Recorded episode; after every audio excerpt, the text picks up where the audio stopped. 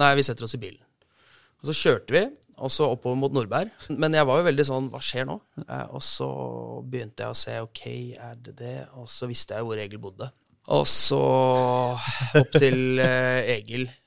Og så Det er Drillo, ja. OK. Trikkeliga.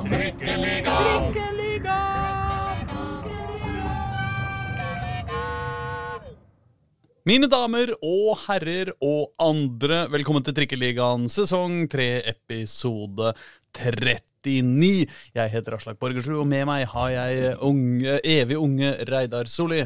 Evig unge. Eh, riktig. Jeg har bare tok en kjapp oppdeling her. 15 kamper siden sist. Eh, sånn i, i hvert fall de ligaene som vi Hva, hva mener du? 15 kamper? Det har, det har vært spilt 15 kamper? Ja. Å, dæven! I, våre, i vårt univers Ja. siden sist. Altså, vi har så mye å snakke om uh, i dag. Altså, eh, ikke sant? Toppserien sitt grunnspill er ferdig. Vålerenga har spilt en kamp med to nye stjernespillere på, i lagoppstillinga, og nå har de jaggu signert Simen Juklerød. Gro, eh, Skeid og Koffa har spilt eh, eh, lokal-derby i Oslo-fotballen. Eh, og, og, og Grorud Ja, det er mye å si om Grorud. Alt dette må vi komme tilbake til. Alt dette kommer tilbake Alt til. dette skal vi snakke om i dag. Men først så har det jo skjedd en eh, Ja, det er jo nesten som man skal si enda større ting enn det også. eh, på en måte. Vi skal, jo, da, vi skal jo da opp og besøke den fjerde Grorud-treneren vi har hatt på besøk i, i dette studio. Ikke sant? Jonas Rygg har eh, overtatt spakene i, i Grorud etter, etter Jønnes Nilsen. Og starta med et gnistrende 0-5-nederlag i første kamp. Ja. Men han er like blid. ja, han er like blid, ja. Ja, ja, ja. Altså, Vi skal i hvert fall dra og snakke med han, eh, og så kommer vi tilbake til, til resten av eh, Oslo-fotballen etterpå. Så heng med en liten tur nå opp uh, til Grorud, og så kommer vi tilbake hit etterpå. Artig. Ai, ai!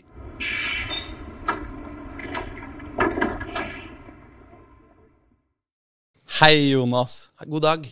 Jonas Rygg, vet du. Det er, det er så ryddig og enkelt navn. Ja, det er ikke det? Det føles litt Grorud. Jonas Rygg. Ja, det kanskje det føles litt Grorud. Det er i hvert fall enkelt. Ja. Og om ikke alt er enkelt i Groruddalen, så er det i hvert fall navnet mitt ganske enkelt. da. Og to g-er og ikke noe hår og dill og Ingen hår, eh, to G-er. Ja, ja, Så, det er liksom rett frem. Det er. Vi blander ikke inn noe annet, så det syns jeg er veldig greit. Fordi jeg lurer på om det er omtrent der eh, vi, eh, mange av lytterne våre, på en måte er nødt til å begynne med deg, Jonas. Som akkurat nå har tatt over Grorud sitt, sitt A-lag i Obos-ligaen. Men, eh, og og det, der er det mye å prate om, eh, eh, situasjonen der. Men vi kjenner kanskje ikke deg så godt. Nei, Hvor- eh, eh, hvor- hvor- hvor- Hvordan fant de deg? nei si det. Da, da spør du nesten feil mann. Ja, på en måte, men du, du har kanskje en idé?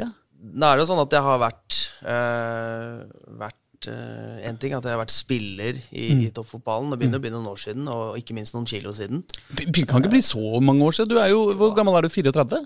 Jeg er 34. Jeg det er jo ingen alder. Nei, det er ingen alder i utgangspunktet. Eh, og det hadde heller ikke vært noe alder hvis jeg hadde fortsatt å spille. Men med så mye skader som jeg hadde, så, så var, måtte jeg gi meg ganske tidlig i karrieren. Jeg la opp da jeg var 26. Er ikke? Altfor tidlig. Ja. Men, men det var Hvor- riktig. Hvor, hvorfor det? Eh, utgangspunktet så er jo da Ta det tilbake til da, eh, da de fant ut i en alder av 19 år at jeg hadde hoftedysplasi. Eh, som jeg helst skulle fått vite da jeg ble født. Ja, Ja. Men det fant de nå ut, og det gjorde jo at vi allerede så at det var utfordringer med, med, med knærne mine. Eh, at det, her, her kommer det til å komme noen utfordringer. Og så var det vanskelig å få justert det. Og fram til da så hadde jo jeg trent mye. Masse mm. Mengde, lite tilpasninger.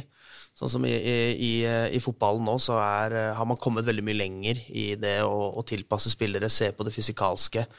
Når jeg vokste opp, så var det bare tren, og tren så mye du kan. Og helst uh, mengde så mye som mulig. Eh, det er utgangspunktet da kroppen min egentlig ikke lagd for. Så når vi fikk tilbake den MR-en i uh, Det var jo i Stabekk. Så lurte legen som leste MR-bildene på hvem, hva, hvem er det her? eh, og da svarte de nei, det er en eh, spiller i troppen vår som er 19 år. Å ja. For det første jeg tenkte, var at denne personen har sittet for mye på et kontor. Altså, så ille var det jo. Ja.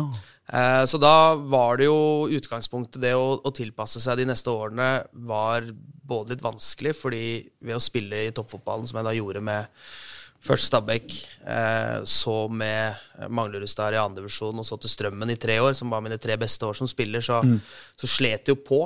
Eh, og på et eller annet tidspunkt, som de sa, så vil det gå utover knærne, og det endte jo da opp med en del operasjoner, da. Eh, hvor, eh, hvor kneet rett og slett ikke klarte å stå imot. Først og fremst med brusk, og så med menisk. Eh, og, og på den siste operasjonen jeg hadde, da, da hadde jeg kommet tilbake igjen til Lyn. Da var nærmere 2012. Så sa vel egentlig legene som, som fulgte meg opp, at hvis du har lyst til å ikke ha vondt når du er eh, over 40 opp mot 50, så anbefaler jeg at du gir deg med Ja. fotballen. Og i hvert fall med toppfotballen. Eh, og da var det liksom veldig enkelt for meg å egentlig bare ok, greit, da, da er jeg der jeg er. Og så hadde jeg allerede begynt å tenke treneryrket. Ikke sant, For dette tenkte du allerede når du var 19 og fikk den første Nei, jeg tenkte ikke her? treneryrket da jeg var 19. Det gjorde jeg ikke. Men jeg begynte å tenke treneryrket når jeg begynte å nærme meg en, kanskje en typ 25. Ja. Uh, 24-25. For jeg var veldig interessert i det. Og med den inngangen jeg hadde som at jeg ofte var en kaptein og en leder på banen, så, så likte jeg å snakke med trener, likte å plukke opp hvorfor vi gjorde ting. Eh, hvordan bør vi spille? Altså, alt det her interesserte meg. Og det gjorde jo at hodet begynte å tenke at uh, treneryrket er, eh, er noe for meg. og uh, det er jo det jeg har holdt på med hele siden. Altså, Moderen sa det. Du, du, du er født med ballen, og du dør med ballen. Det er litt inngangen min. Da. ja, det er der, ja. Ja, det var der. Men åssen spiller var du? Jeg var en sentral midtbanespiller i utgangspunktet. Ja. da jeg var eh, yngre, altså hvis vi går ned i ungdomsfotballen og, og tidligere, så var jeg jo Jeg er født i november, så jeg var ganske sånn sein i vekst. Så jeg var i utgangspunktet ganske liten og ganske kvikk. Det ser ikke sånn ut nå. Og og ble ikke det heller som spiller etter hvert, fordi litt på grunn av det vi snakka om i stad, at kroppen til slutt eh, setter seg på plass. Men eh, jeg likte å være sentralt i banen. eh, og opplevde, eller opplevde, jeg hadde en forståelse av spillet som var utgangspunktet høyt. Høyt nivå på spillerforståelsen min, som gjorde at veldig mange ville bruke meg sentralt i banen. Og så hadde jeg først og fremst en, en høyrefot som kunne slå eh, de fleste pasninger. Gjennombrudd, lange pasninger og ikke minst skudd, da. Som var utgangspunktet. Så, men en sentral midtbanespiller var jo min posisjon, da. Nei, jeg har et vagt minne. Jeg sjekka også på NFS hjemmesider. En av de siste kampene dine var i 2014. En cupkamp mot Skeid. Dere slo dem 4-0 på Bislett. Det kan nok stemme, det, ja. Da var du kaptein Ja. på Lyn. Ja, det stemmer. Det var jo mange fascinerende navn. Var det spilte på- 2014? Det var i 2014, ja. Mange fascinerende navn på de lagene der, da, som eh, fortsatt er eh, aktive i, ja. i dag. Men eh, Ja, men jeg er litt usikker på om jeg spilte den, men det kan være mulig. Men det, er, det er mulig du nå husker bedre enn meg. da, nei, altså det er NFFs hjemmesider som husker bedre enn meg. meg. ja, det er det. Ja, men da er det jo jeg greit. husker at jeg var der. Men, Ja, men eh, det står der at du var kaptein. Ja, men da var jeg det. Og spilte, du ble bytta ut, men du ble, spilte fra start. Han var ikke god nok i kampen, da, kanskje. NFF tar jo der. aldri feil. Nei, de gjør jo ikke det. Nei, Det kanskje, ikke her, kanskje ikke her. I hvert fall ikke i, i de sammenhenger. Så det, det, det kan nok stemme, det. At det var såpass Men det betyr at det var ikke noe sånn veldig trist beskjed for deg at du måtte legge opp? For du, Nei, var- du var, det var ikke mentalt, var mentalt forberedt på overgangen? du. Ja, jeg var det. Så det, det, det, det var nok litt sånn Når jeg hadde bestemt meg for å gjøre det, så kjente jeg jo litt på den eh, Hva fikk jeg til med fotballen? Eh, jeg opplevde at jeg fikk til veldig mye i utgangspunktet. Alle har en drøm om å bli proff og kanskje spille i utlandet. Jeg fikk ikke Eliteseriekampen. Den husker jeg at det var litt sånn Fader, det fikk jeg ikke til. Var det nære på på et tidspunkt, liksom? Jeg var i avstanden til Stabæk i to år. Ja, eh, men i de to årene Stabæk eh, Når jeg var i avstanden til Stabæk, Mm. så tok Stabæk sølv og gull i Eliteserien. Og den elveren og den troppen Jan Jønsson hadde da, Ja. den var så etablert og så solid at Mm. eh, veldig mange unggutter var rett og slett ikke i nærheten. Så det var Martin Andresen som hadde plassen din? Nei, det var vel ikke Martin Andresen som hadde plassen min, men det var eh, Du hadde alternativer som Henning Hauger, Tommy Stenersen, Joakim Persson, Jesper Jansson, Allan Sinjo, Veigar Pall Gunnarsson, Daniel Nanskog. Og foran meg da igjen hadde du til og med nå sportssjefen i Kongsvinger, Espen Nystuen. Ja. Så det er klart at vi, vi unggutta vi, vi hadde en utrolig god hverdag som lærte oss mye. Men spilletid i Eliteserien, det var vi et stykke unna. Eh, og det var litt prioriteringen Stabæk hadde da også. Eh, men, uh, men den eliteseriekampen fikk jeg da ikke i etterkant når jeg dro fra Stabæk. Så det var noe som satt igjen at ok, jeg oppnådde ikke det, men jeg var ikke skuffet, på en måte.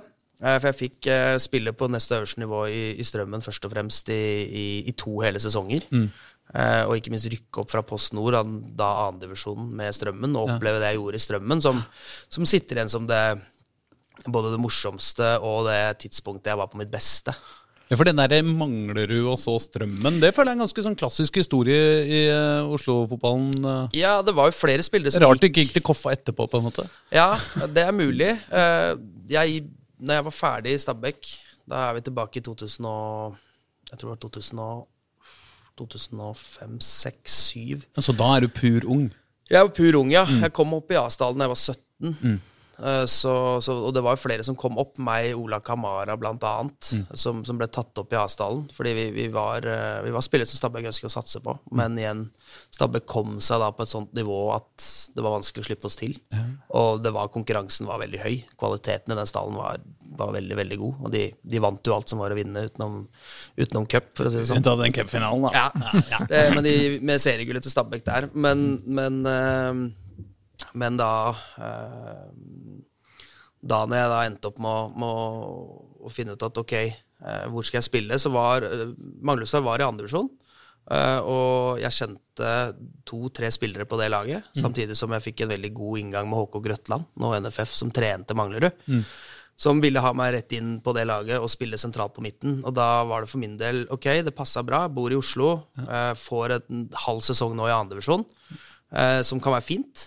Eh, for ja, det nivået hadde jeg jo mestret veldig bra for Stabæk 2.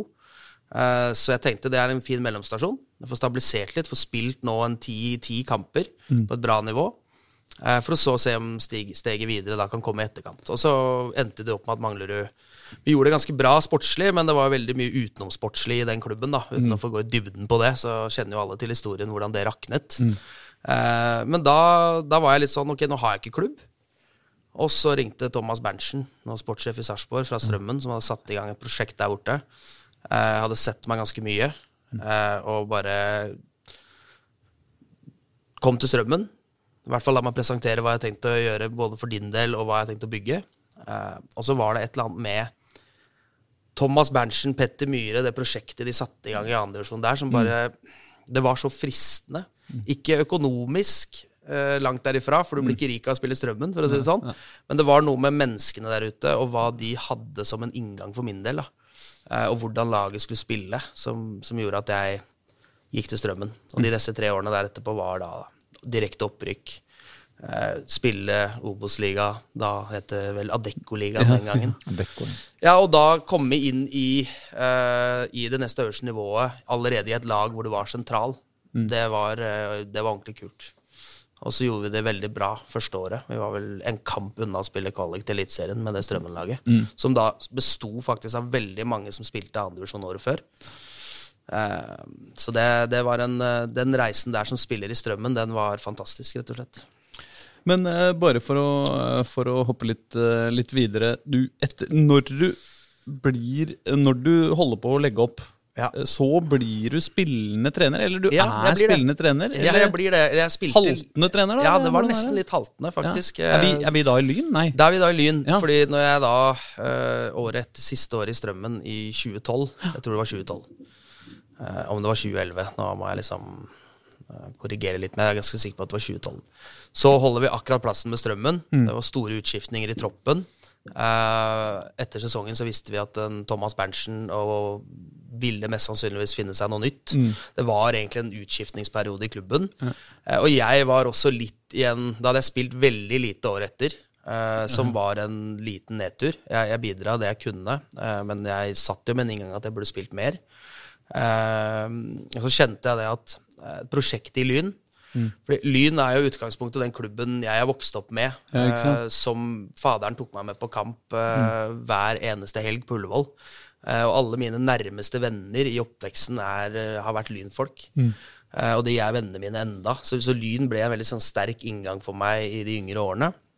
Min store... Hvorfor har vi Lyn da på 90-tallet, som du opplevde? da? Ja, 2000-tallet. Ja. Uh, hvor uh, Da svingte det Jeg tror det var 2001 hvor Lyn rotet bort seriegullet. Ja. Det året hvor Ullevål var mm. nesten fullt i enkelte kamper med Lyn-supportere. Altså, mm. Det var liksom starten på da var Lyn der. Um, og, og det husker jeg liksom, det, det, var liksom, det var stort å, å, være en del av Lyn. Mm. Og det var en del spillere på Lyn som du på en måte så opp til. Uh, så når Lyn da gikk konkurs og begynte den første sjansen til å prøve å gå oppover i systemet, så var kreftene i Lyn var veldig tydelige på at jeg skulle være en sentral brikke av mm. den den reisen oppover, da. Eh, hvor både inngangen til å komme inn og være en, en eh, Kall det en referansespiller for yngre spillere. eh, men også være med å spille dem opp så langt det kunne. Fordi da er Lyn i Da var Lyn rykket opp fra fjerde til tredje. Ja.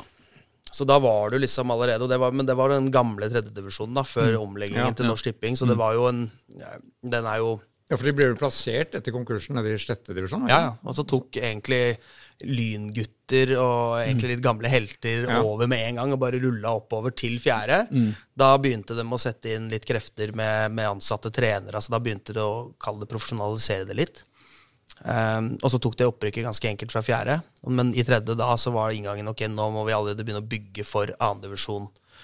Og da var jeg én av flere brikker uh, som kom inn det året. Um, og med en jobb i Lyn i tillegg som spiller. Så jeg begynte allerede på Lyn akademi å jobbe med yngre spillere på dagtid.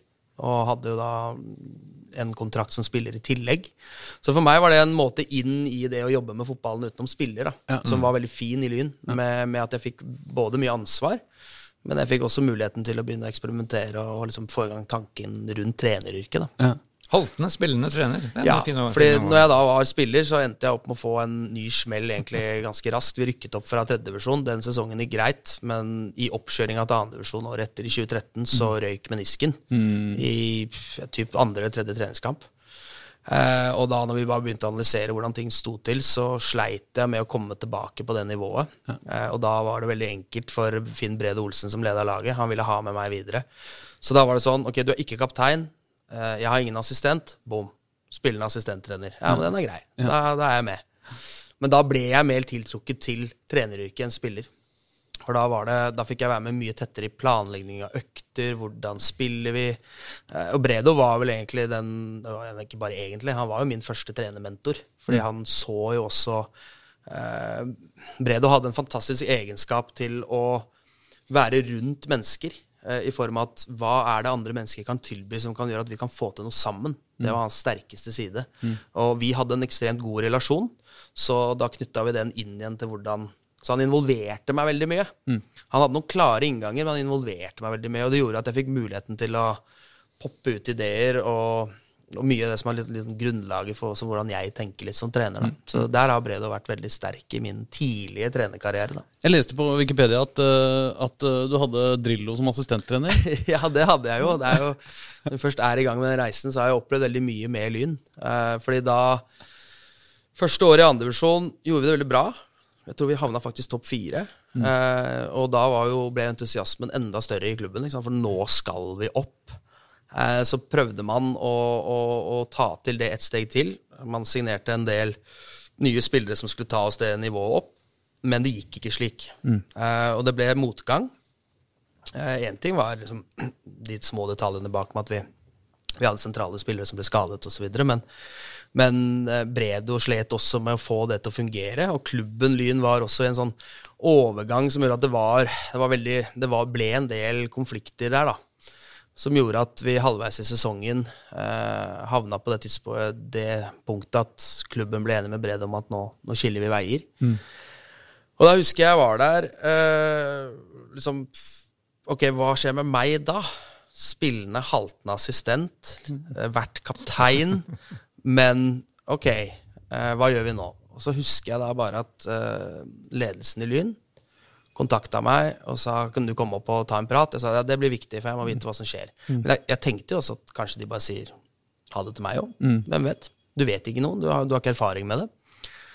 Eh, men da hadde de hatt en god prat med et kapteinsteam som var i den gruppa, som var veldig tydelig på at Jonas sin stemme og hvem han er for oss, er ekstremt viktig. For han er en samlende person, og det er det vi trenger. Eh, mens klubben også da tenkte at han er en samlende person, men har han, er han der? Er han erfaren nok som trener? Har han kunnskapen nok til å kunne sette sammen det laget og, og, og, og kjøre det som en hovedtrener? Eller trenger han noe assistanse? Så det som skjer, er at uh, styrelederen uh, sier til meg at uh, vi ønsker at du blir hovedtrener. Ok, sa jeg. Er du klar for det? Så sa jeg altså med Lynhjertet og den gruppa, så er jeg det, for jeg vil være her. Fint. Men du må ha med deg noen som er enda mer erfaren enn deg. Så sa jeg Absolutt. Hva tenker du? Nei, vi setter oss i bilen. Og så kjørte vi, og så oppover mot Nordberg. Det er sånn du føler at du, du skal Ja. bli kverka, ikke sant? Du blir jeg hadde satt fått tillit til at jeg var hovedtrener, da. Så det, du, du følte at sånn, okay, han først hovedtrener, og så kverka. Det blir Ja, liksom det litt feil vei. Men, men jeg var jo veldig sånn Hva skjer nå? Eh, og så begynte jeg å se ok, er det det? Og så visste jeg hvor Egil bodde. For det vet nesten de fleste. Så du kjørte oppover Sognsveien, og du visste ikke hvor du skulle hen? Og så opp til eh, Egil. Og så Det er Drillo, ja. Ok. Og da var inngangen at Egil hadde blitt enig om at han ville være med. Eh, ikke som hovedtrener, for han, han var jo allerede Jeg tror han var involvert både i NRK og det var flere ting Hvor, han hvor er vi nå? 2015-16, eller? Vi- Nei, vi er tidligere. Er tidligere, ja. Vi er i 2014. Ok. Sesongen 2014 er ganske Ja. sikker. Eh, og da sier vi rett og slett at vi hilser på hverandre. Noe som selvfølgelig var sånn Wow, ok, her er vi, vi er her. Eh, det er kult. Eh, Egil, veldig tydelig og grei. Altså, han er jo en fantastisk person å være rundt. Eh, vi blir enige om, eller styreleder sier nå setter dere hverandre ned, så bruker dere de timene dere trenger, eh, og så gir dere beskjed når dere på en måte er klare. Ok, så da er det fem timer, da. Fotball med Egil. Eh, som, eh, som var liksom Ok, hva gjør vi?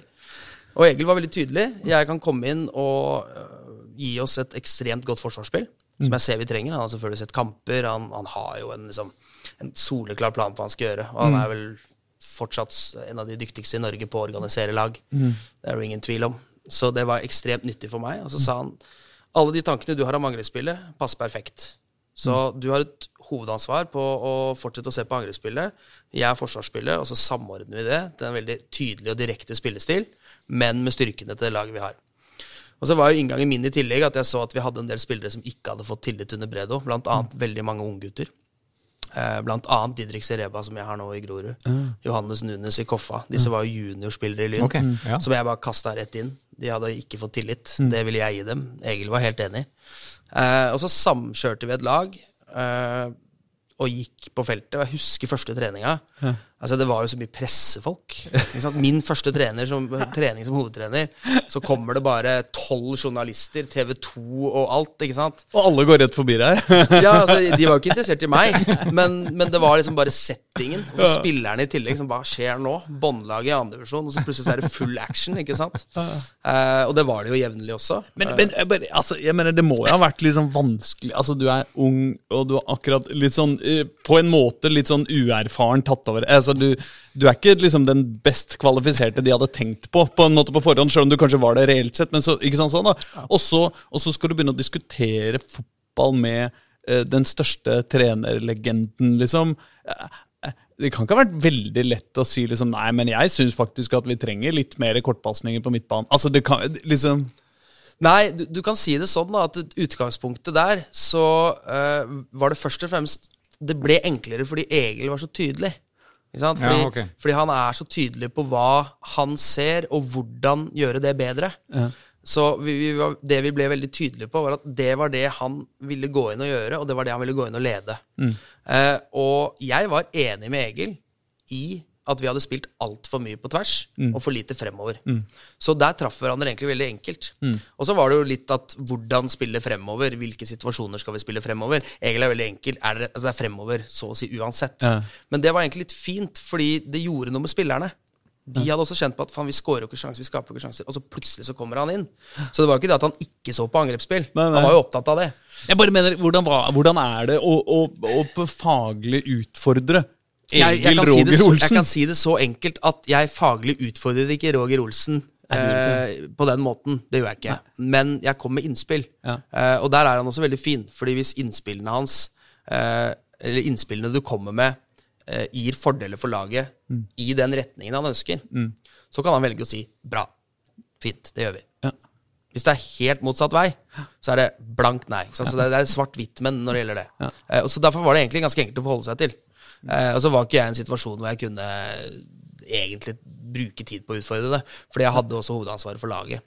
Så det ble mer at jeg var den ledende i å samle en spillergruppe, få dem med på en retning, bruke mine menneskelige egenskaper som jeg hadde gjort som kaptein, sette opp et lag som ga oss de styrkene for den spillestilen, og så var vi eh, aktive på feltet begge to i de fasene. Så vi delte veldig ofte opp laget, sånn at vi jobbet veldig tydelig med angrepsspill her med de, de frontspillerne, forsvarsspill med en midtbane pluss en firer. Så vi fant metoder Og så fikk vi i tillegg med oss Viggo Strømme, som hadde vært i, i, i styret og ledelsen i Lyn mens han jobba på NTG, som en sparringspartner for oss. Som var veldig fin å ha med. Fordi Viggo også veldig stødig faglig. Eh, glad, altså, opptatt av klubben. Så vi fikk et veldig fint team. da. Viggo kunne ikke være med på alt, men var på treninger. Observerte, pinpointa noen fine ting. Kanskje ikke først og fremst på Egil, men kanskje på meg. Som, som gjorde at vi fikk en veldig god dynamikk. da. Og så endte vi opp med å ikke bare, Vi berga plassen i nest siste runde, borte mot Stord. Men vi endte jo opp med Av de ti kampene så tror jeg vi vant sju. Én uavgjort og to tap. Fra å egentlig å tape alt. Eh, og vi ble et lag som ble vanskelig å møte, og som utnyttet rom motsatt, eller utnyttet rom fremover. Og altså, fikk en kjempeboost, da. Så, men det var et, et halvår som gikk utrolig fort. Men det varte det halvåret med Olsen, for han forsvant vel ut etter hvert, da. Ja, og så gjorde jeg det samme. For det som skjedde, var jo at jeg tror Lyn var en prosess hvor veldig mange innganger i klubben ikke hadde gått riktig vei. En ting var økonomisk, hvordan skal vi nå toppen? Altså Det har vært veldig mange utfordringer. Det jeg kjente på, var at jeg fikk inngangen til treneryrket. Jeg fikk mye ansvar. Jeg fikk kjenne på den, de erfaringene det ga meg med å stå i det, eh, og, og lærte veldig mye av det. Eh, men jeg fant ut at jeg mangler veldig mye annet. Jeg trenger å komme et sted hvor det ikke blåser rundt meg akkurat nå. Eh, hvor jeg kan få begynne på trenerutdannelsen min. Jeg hadde jo C-lisens, altså jeg hadde tatt grasrot. Eh, jeg har ikke jobbet i en organisasjon, i en klubb, på full tid. Altså det var mange ting som, som jeg kjente at i min trenervei så må jeg begynne et helt annet sted enn å fortsette med Lyn. Så jeg gikk også ut av Lyn. Eh, som var litt sårt sånn personlig, men for retningen jeg skulle, så var det ikke det. Eh, og gikk da til min barndomsklubb, som er Reddy. Som hadde rykket opp i tredjedivisjon. Uh, hadde en del gode unge spillere som også traff min inngang. Og fikk en fulltidsjobb i, i, i Reddy med, med å være med i sportslig ledelse, være med i organiseringen av klubben, pluss være hovedtrener på A-laget. Men det, det, er, det her er jo også uendelige ting å diskutere. Men jeg, jeg, på en eller annen måte må vi komme oss videre til, eh, til, dagens, eh, til dagens situasjon. Men bare for å gå liksom kjapt gjennom det som har skjedd i ditt, eh, din karriere etter det. Du var i Reddy, og så var du Strømmen. i, i Strømmen. Assistenttrener for Ole Martin Nesselquist i Strømmen i 2019. Ikke sant? Ja. Uh, utgangspunktet ønsket vi alle at jeg skulle bli lenger i Strømmen når vi holdt plassen i 2019. Han var da, han var da den yngste treneren i toppfotballen? Korrekt. Vi var det yngste- teamet i toppfotballen. Ja. Så det, det var et, utrolig morsomt å komme tilbake til Strømmen, og ikke minst jobbe med Ole. Som var, vi fikk en veldig god relasjon, mm. og, og jobbet veldig godt sammen mm. i det året. Eh, Men økonomiske grunner i Strømmen gjorde at eh, jeg ikke kunne opprettholde min stilling, så da måtte vi se på andre løsninger. Da kom Stabæk med eh, en fulltidsjobb i Stabæk-akademiet.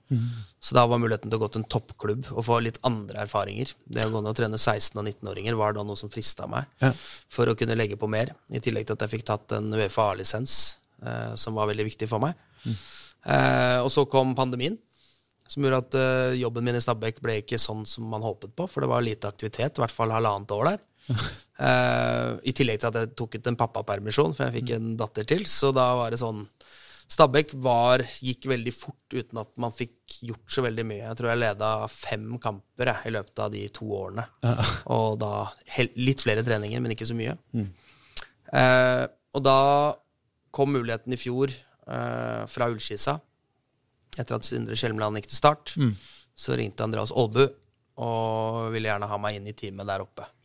Og da var det litt inngangen igjen tilbake til toppfotballen eh, på A-lagsnivå, som jeg tok. Eh, og som startet veldig bra, eh, men endte opp med å ikke bli så vellykket med tanke på alle utfordringene som skjedde der i fjor, med treneransettelser, eh, et nedrykk til slutt, eh, som som gjorde at eh, jeg og klubben der ble enige om at det var riktig å skille veier. Mm. ikke fordi vi var uenige om alt, og at det var noe, noe ondt mellom oss, men eh, for meg med, med to barn, reisevei mm. det- altså, Ting ble ikke riktig, da.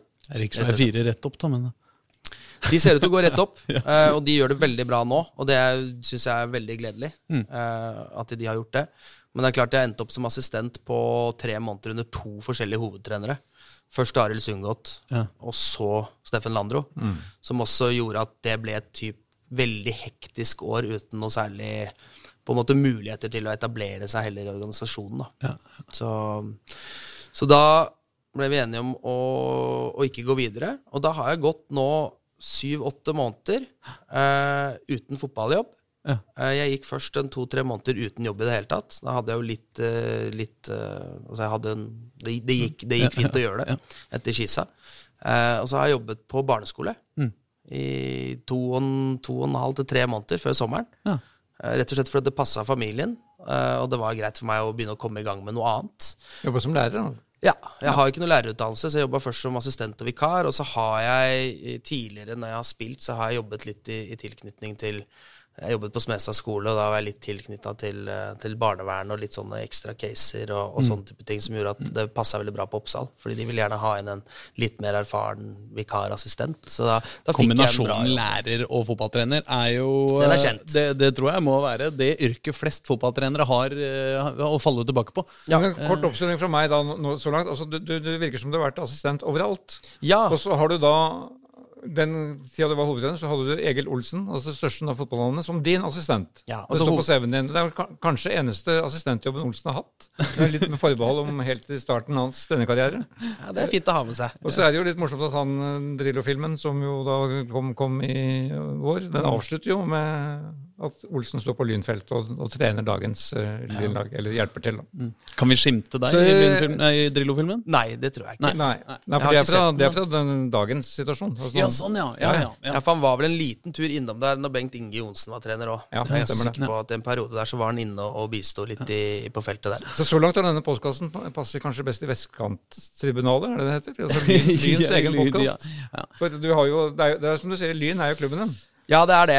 Absolutt. Men da lurer, Eh, jeg, da lurer jeg på, for å pense over til på andre sida av byen, i og med at vi sitter, sitter her Du sa du fikk telefon av Thomas Berntsen en gang i tida. Men Ja. når fikk du telefon fra Grorud? Telefonen fra Grorud fikk jeg etter at eh, Grorud hadde offentliggjort at eh, daværende trener var ferdig. Eh, så igjen, jeg var uten en fotballjobb. eh, og hadde brukt mye tid på å også forberede meg på den neste fotballjobben. Eh, og, og fant ut i perioden jeg var uten denne jobben, at jeg ønsker en hovedtrenerjobb, eh, men de er vanskelig å få. Eh, og mulighetene er ikke alltid der. Det har med timing å gjøre. Eh, men når den kom, så har jeg alltid vært interessert i Grorud, og hvordan Grorud har jobbet som klubb. Med en utviklingsavdeling og, som har tatt kjempesteg, og som fortsetter å gjøre det. De har jobbet med små ressurser og fått ekstremt mye ut av det. De har tatt samfunnsansvar i Groruddalen. Altså Det er så mye som treffer mine innganger som trener og menneske, som har vært tilknytta Grorud. Og så var jeg inne i Grorud i januar og snakket eh, med de om en mulig stilling rundt en trenerutvikler eksternt. Jeg var allerede litt i miljøet. Okay, ja. Og så har jeg jo hatt min nåværende assistent Vegard Lund Næss som assistent i Reddy i tre år. Okay. Som hovedtrener i tredje divisjon. Ja. Så det var, det var relasjoner her allerede. Ja. Ja, for det gikk jo fryktelig fort Det fra Johan på- Johannes Nilsen eh, Ja, det var gikk på et døgn, vel. uh, men det jeg gjorde, det var at med en gang jeg så det, så ringte jeg Richard, styreleder her. Mm. Og så presenterte jeg meg selv. Eh, da hadde han sikkert fått 100 telefoner, for han sa jo det. Det var, det var mye aktivitet når de gjorde dette. Og da var Richard veldig kort, så sa han bare eh, ikke fortsett med hvem du er. Eh, send meg en mail med en klar inngang til hvorfor du skal trene Grorud. CV-referanser. Ok. Bam. Så det var du som ringte Richard, altså? Ja, jeg tok Richard ringte initiativet deg? sjøl. Nei, Ja, ja. de ringte ikke meg. Nei, men det, det, det, det, det er jo sånn man ikke skulle tro at virka, på en måte. Ja, altså, jeg tenkte jo at jeg har jo ingenting å tape. Så gikk det uh, Så brukte jeg litt tid på mailen. Eh, hvordan skal jeg fremtone meg? Uh, jeg har sett veldig mye av Grorud i de månedene. Sett så å si alt av Obos-ligaen. Så jeg, hadde, jeg har en veldig god oversikt. Um, dagen etter, klokka 11, så ringer daglig leder Mats. Hei, daglig leder i Grorud her. Hei, du. Hvor er du? «Eh, jeg er hjemme. Ok. Eh, du vet jo hva som har foregått hos oss. Vi har fått en mail av deg. Den syns jeg er superinteressant. Kan vi treffes? Absolutt. Så er det det som er litt morsomt med den historien, at den ligner litt på Lyn-historien med tanke på at han da kommer og henter meg. Fordi jeg er hjemme på Oppsal, og han er ute og kjører. Han skal på biltur? Så han eh, var på Tveita. eh, Så han kommer og henter meg. Han var tilfeldig, han var ikke tilfeldig. Mats bor på Oppsal, så han var ute og kjørte. Eh, og så hadde han jo googla at jeg bodde i, i Skøyenåsveien 27 i tillegg, som han vet hvor er. Ja, men det her er, det er sant. Eh, og så kommer han og henter meg, og så setter vi oss inn i bilen, og så snakker vi litt sammen. Og så Begge vet jo hva vi er ute etter her. Han er ute etter å finne ut om jeg er riktig mann, eh, og jeg er ute etter å, å, å prøve å, å kunne bevise at jeg er det. Så vi drar et sted og tar en kaffe og noe å spise og prater en times tid. Eh, da har han fått en såpass god feeling at han ringer Richard og sier at vi kommer og møter deg. Vil du være med? Og jeg sier ja, jeg er fortsatt med. Så fra. Ja, og så er det opp til Richard i huset hans. Så da er det istedenfor Egil sitt hus på Nordberg, så er det da Richard sitt hus her på Grorud. Vi setter oss der, eh, prater videre. eh, og, og, og prater tykt og tynt om hvorfor og hva Grorud er, og med meg og hele den pakka der. Og så uh, gir Richard meg beskjed om at, uh, at nå må han og Mats snakke litt. Så enten så tar du deg en tur eh, bare rett utafor her og går litt og ser litt på Groruddalen, eller så kan du klippe gresset mitt. Altså, er det som sa han. Richard er en helt strålende type. Og da klippte du gresset hans? Nei, jeg gjorde ikke det. Eh, Jeg tok meg en liten tur rett eh, bak der og så meg litt rundt og tenkte ok, hva skjer nå? Og så kommer Mats, ringer Mats, og så kommer jeg ned igjen, og så sier Mats vil du være Groruds nye hovedtrener? Og jeg svarer ja. Ja. Og så sitter vi her. Og det, altså, det skjedde den samme under 24 timer etter at du har sendt en blind mail liksom til styrelederen og bare 'Halla, jeg heter Jonas', så har du liksom eh, Håndtrykket er gjort. Ja. Og, Og det og det blir jo offentliggjort veldig fort også. Ja, det gikk veldig fort. Ja, for du Eh, skulle lede første trening det var vel to dager etterpå? Ja, den dagen jeg blir presentert, så er det rett før eh, spillerne har trening. Da ledet eh, de som var i teamet her med Vegard, først og fremst den økta. Da fikk jeg muligheten til å presentere min inngang til spillerne og hvem jeg var. Og så eh, og min plan for hvordan vi både skulle snu dette og hvordan ting skulle være fremover. Og så gikk jeg ut på feltet og, og fikk eh, kjennskap til spillerne, og dagen etter så var det rett i action. For, for, må, nå må jeg bare fortelle en historie som jeg ikke har avklart med Reidar at jeg skal fortelle, men jeg forteller den likevel. Hvis du blir rasende, så får jeg heller klippe den vekk. Nei, men fordi vi var litt irriterte på vei opp her på T-banen nå. For vi diskuterte at det, i, i, eh, vår journalist gjorde et intervju med Richard eh, denne dagen om liksom, ja, hva skjer nå med treneransettelsen. Og, og, og der var det sånn der eh, Nei, vi jobber eh, med en Vi har en prosess, og den prosessen er riktig. Og så tar det liksom null tid, og så plutselig så er det ansatt. Så vi var sånn derre Hæ, dette må han jo ha visst når han uh, gjorde det intervjuet. Nei, it, i- i- Men kanskje han ikke gjorde det? Kanskje det gikk så fort at fra liksom vår journalist var her oppe og intervju, eller snakka med han, og til eh, Det er det Pål Karlsen hadde skrevet ferdig saken, med en lang sak om Groruds vyer og hva, hva slags type du skulle se etter, og, og hadde publisert den på, på nettet. Så kom pressemeldinga fra Grorud tre minutter etterpå. Jonas Rygg eh, leder Groruds første trening om to, om to timer. Og da syns, det syns vi var litt pussig. Ja, det er, jo, det er jo sjelden at det faktisk skjer så fort, men det Nei, men det var gøy. Men eh, jeg, eh, på en måte så kommer jeg nå opp hit med et liten, et lite sånn drøm inni, inni hjertet. Ikke sant? Er det mulig for Jonas, nye treneren til Grorud, å overbevise meg om at det er noen sjanse? Går, går an dette? Dere har altså ikke vunnet fotballkamper. Eller dere, da. Dem. Eh, eh, det, det er ganske langt opp til, til kvalikplassen på tabellen. Obos er, eh, Det er vel en og annen ekspert som har antydet at eh, her er håpet ute. Men hva sier du? Er det, hvorfor, hvorfor, hvorfor kan vi tro på dette? jeg, jeg er veldig glad for at min jobb i utgangspunktet ikke skal overbevise alle andre. Mm. Det aller viktigste for eh, meg og for Grorud, akkurat der man er nå, det er at det handler om at vi, vi må eh, stake ut en ny kurs. Eh, ta tilbake det som gjorde at Grorud, Grorud kom opp og etablerte seg på den måten de gjorde. Eh, og det er egentlig det aller viktigste. Altså, det er veldig naivt å sitte her og si at det er en stor sjanse, for det er det ikke. ikke? Det er, det er fakta. Statistisk er det jo faktisk en veldig liten sjanse. Absolutt. Og det, det forholder vi oss til. Vi er der vi er. Eh, Det aller viktigste handler om hvordan vi først og fremst prøver å jobbe med å snu hodene til spillerne. Hvordan vi prøver å sette i gang prosesser hos de som gjør at de for det første forbedrer seg og blir bedre fotballspillere. Eh, og at vi eh, kan på den inngangen klare å få eh, bedre resultater. Det er det aller viktigste. Det er den viktigste jobben jeg gjør som, som trener. Hvordan vi staker den kursen der. Og den begynner jo allerede nå. Så selv om det er igjen eh, nå åtte kamper, så, så, så tenker vi jo også hvordan Grorud skal være inn i neste sesong, som da eh, fort kan bli på snor. Eh, så Ja, Det er lov å si det ordet høyt, liksom. abs jo, men det, det, det er bare fakta. Så vi, vi snakker jo ikke om Post Nord, vi snakker om Obos-ligaen. Og vi snakker først og fremst om de neste kampene vi skal spille. Eh, og det er nå engang sånn da at eh, Grorud, selv om Grorud da ikke har vunnet fotballkamper, så er det da mm, flesteparten av de kampene, og i store deler av de kampene, så har Grorud store sjanser til å vinne dem. Altså De som ser kampene, har fått med seg det. Men ikke gode nok i begge boksene, i form av at du setter ikke sjansene. Ref mot start nå, så har vi fem store kvalifiserte sjanser. Vi skårer ikke. Starts kvalitet gjør at de skårer. Så, sant, så, så Grorud har da vist at de er akkurat ikke gode nok til å få resultatene.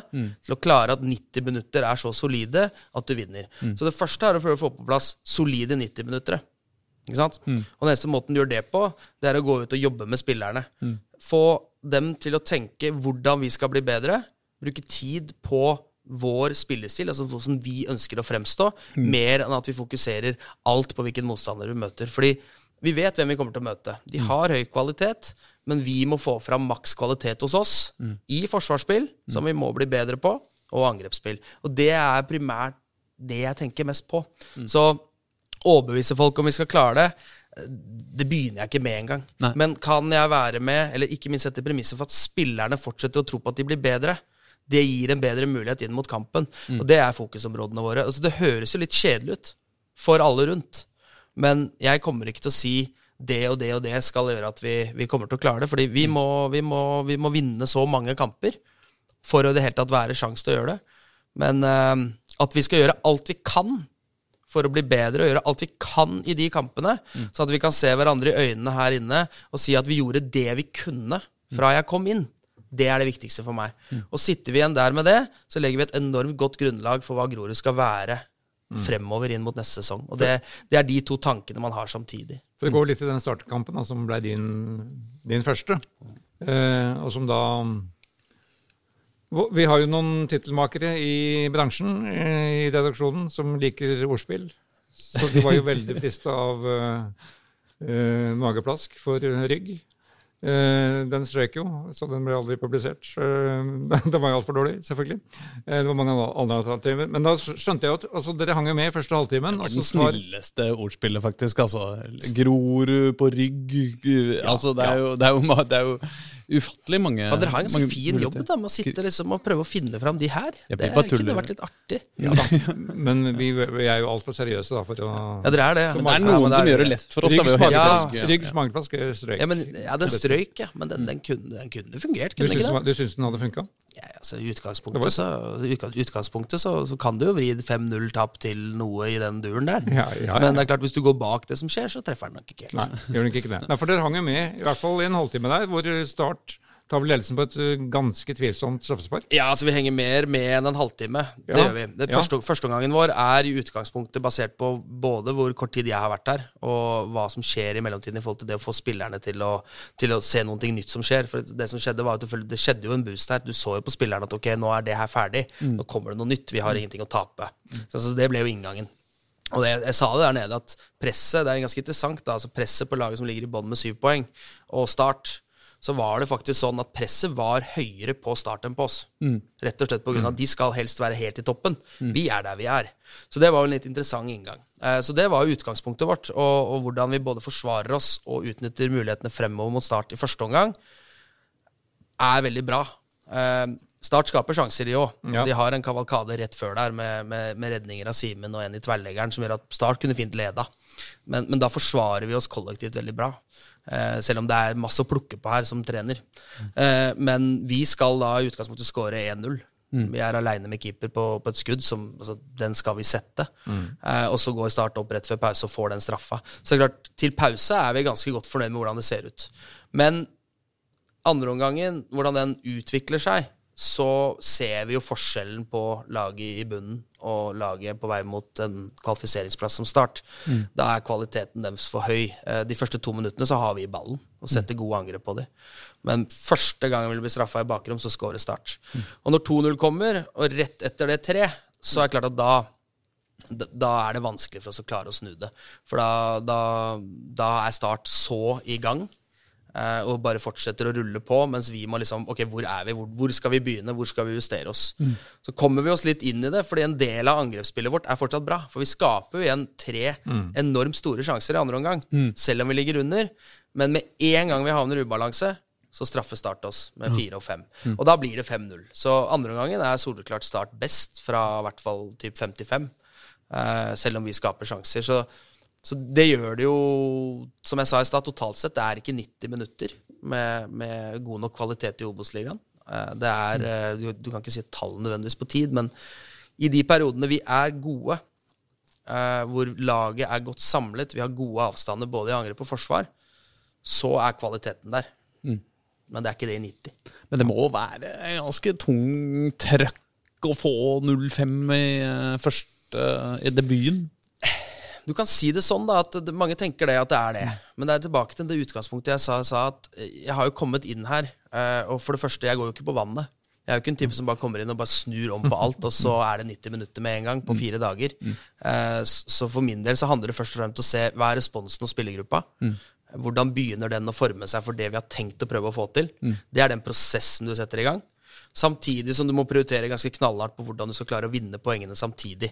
Så det er, det er en vanskelig balansegang som hele tiden må vurderes. Eh, og så er det jo det at eh, jeg ser på spillematerialet kanskje litt annerledes enn en tidligere trenere har gjort. Som gjør at vi kanskje kan få utnytta noe i den fasen. Først og fremst kanskje i forsvarsspillet, hvordan vi vil, vil prøve å forsvare oss. Eh, men det å på en måte eh, sette det preget så tidlig, da, litt sånn, å klare å få en første kamp mot start til å bli sånn drastisk annerledes, det er veldig vanskelig ut ifra både det spillemateriellet vi har, eh, og hvordan de har spilt. Fordi klart, en- endevender du på alt, så kan det ende opp med å skape totalt kaos hos spillere som allerede har opplevd mye motgang. Ja. Eh, kontra at du endrer på noe, og så lar du noe av det som har vært veldig bra, bli allerede. Og så ser du hvor den første kampen tar deg. Så det er klart, analysen i etterkant viser akkurat det jeg sa her, at i de beste periodene, som er ganske brukbare mot start, så er vi på høyden og kanskje bedre enn dem. Men i de svake periodene så er vi så svake at vi da Ja, slipper inn. og det er det, og det, er det som avgjør det. Ja, det er det.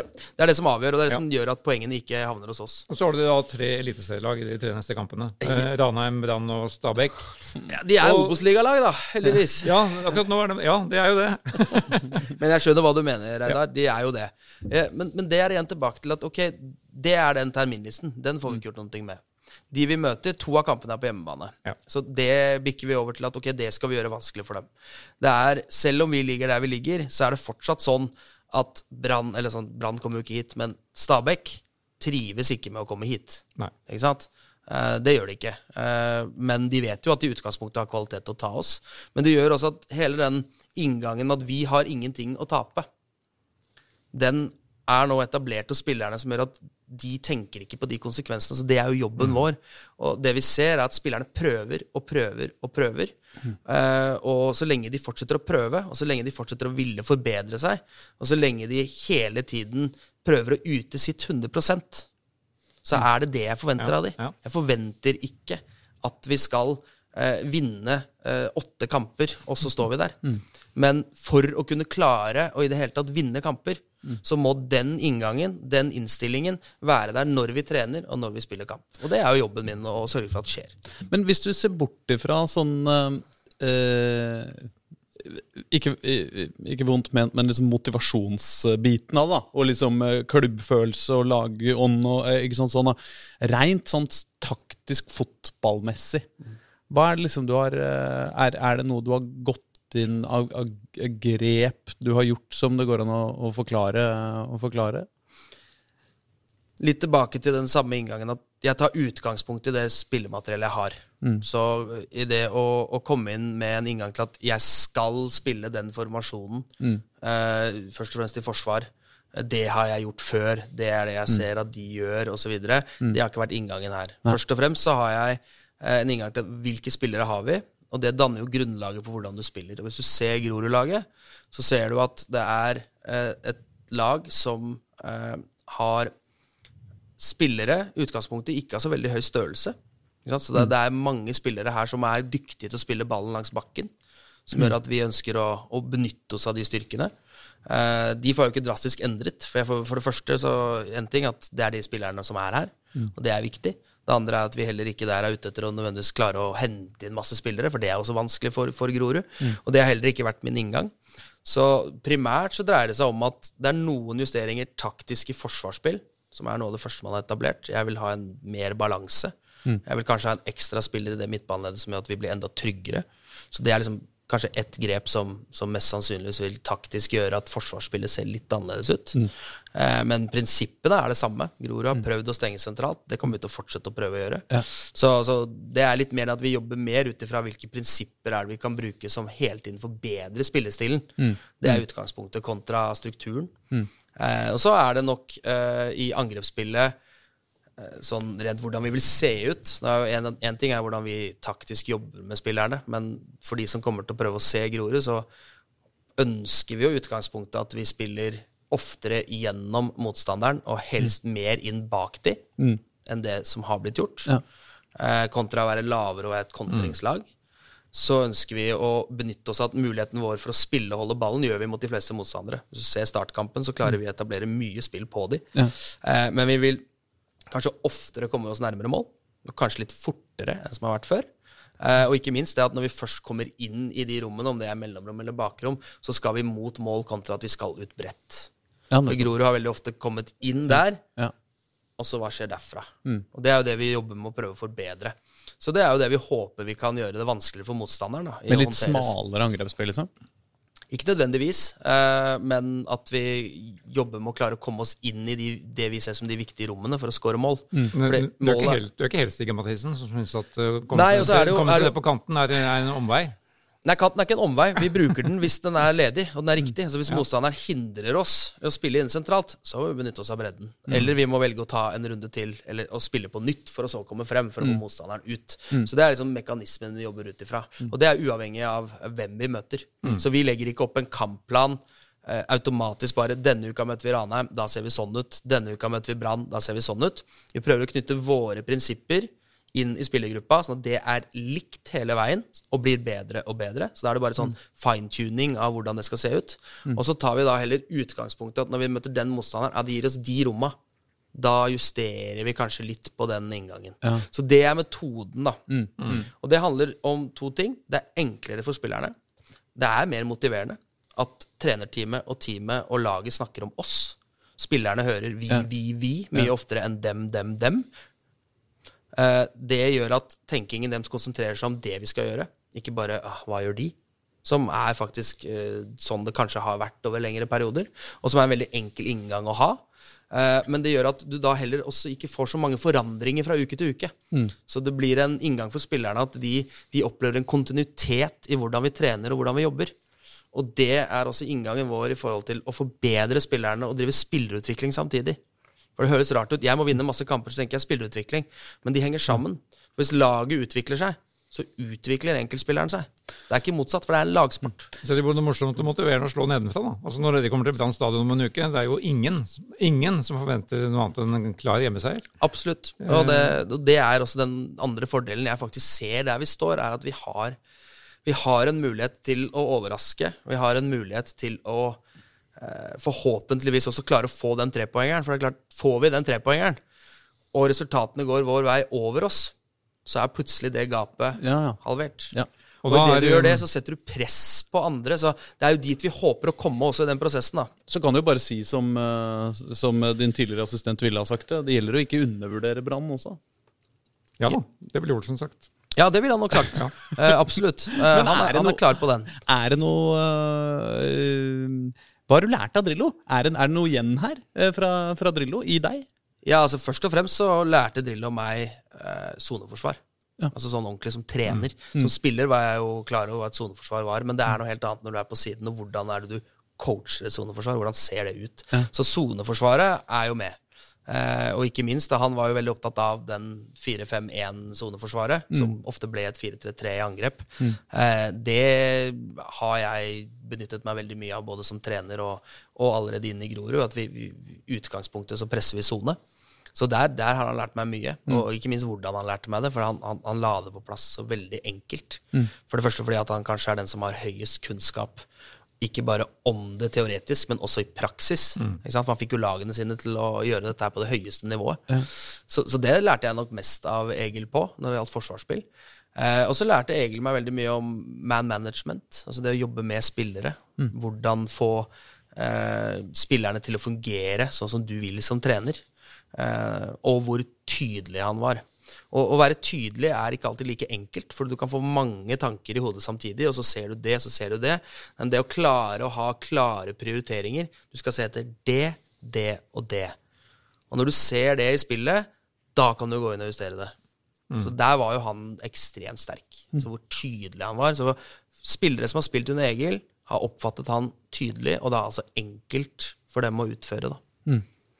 Så det er det man, jeg har lært mest av Egil eh, i utgangspunktet. Og så har han jo pøsa på masse geografi. Uh, han hadde en quiz hver dag. Før vi tatt begynte å snakke om fotballen, så måtte vi gjennom en quiz. Noe som var veldig fint, fordi det gjorde at du dannet et bånd sosialt og som menneskelig. Ja, det gjorde han også med spillerne. Altså, første spillemøte, det var quiz. Så enkelt. Okay, ja. Ja, altså, det, det er det råeste jeg har vært med på. Altså Det hodet hans på geografi. Det Hvor var starter Finlands høyeste fjell? ja, ikke sant? Altså, han, han kunne dra opp det villeste av det villeste. Og hvis du helt tatt prøvde å utfordre han her, da For vi gjorde det, jeg og Viggo en gang, tror jeg. Liksom prøvde å liksom google oss fram til de vanskeligste, kjipeste geografispørsmål. Så fader meg, altså. Han kom opp med det. Det er ikke tull, altså. Det er helt vilt. altså Han veit om eh, antall fjell i den verdensdelen, og ja, han er helt enorm. Det er bra det ikke er et yrke, eh, Fordi da ville han jo eh, valgt det isteden, sikkert. Ja, så er det kjærligheten hans for fotballen. Da. Han ser jo masse fotball. Jeg husker Egil, det er uten å spore av helt, så første kampen med Muldskissa, eller andre kampen med Muldskissa, var her på Grorud. Eh, hvor vi i utgangspunktet, og Kisa i utgangspunktet hadde en plan om å presse høyt og, og liksom ta Grorud. Og jeg husker min inngang var, jeg hadde sett mye Grorud, nei, 4-5-1, steng alle rom, la Grorud ha ballen, og så kontrer vi. Vi vant 2-0. To kontringer, to mål.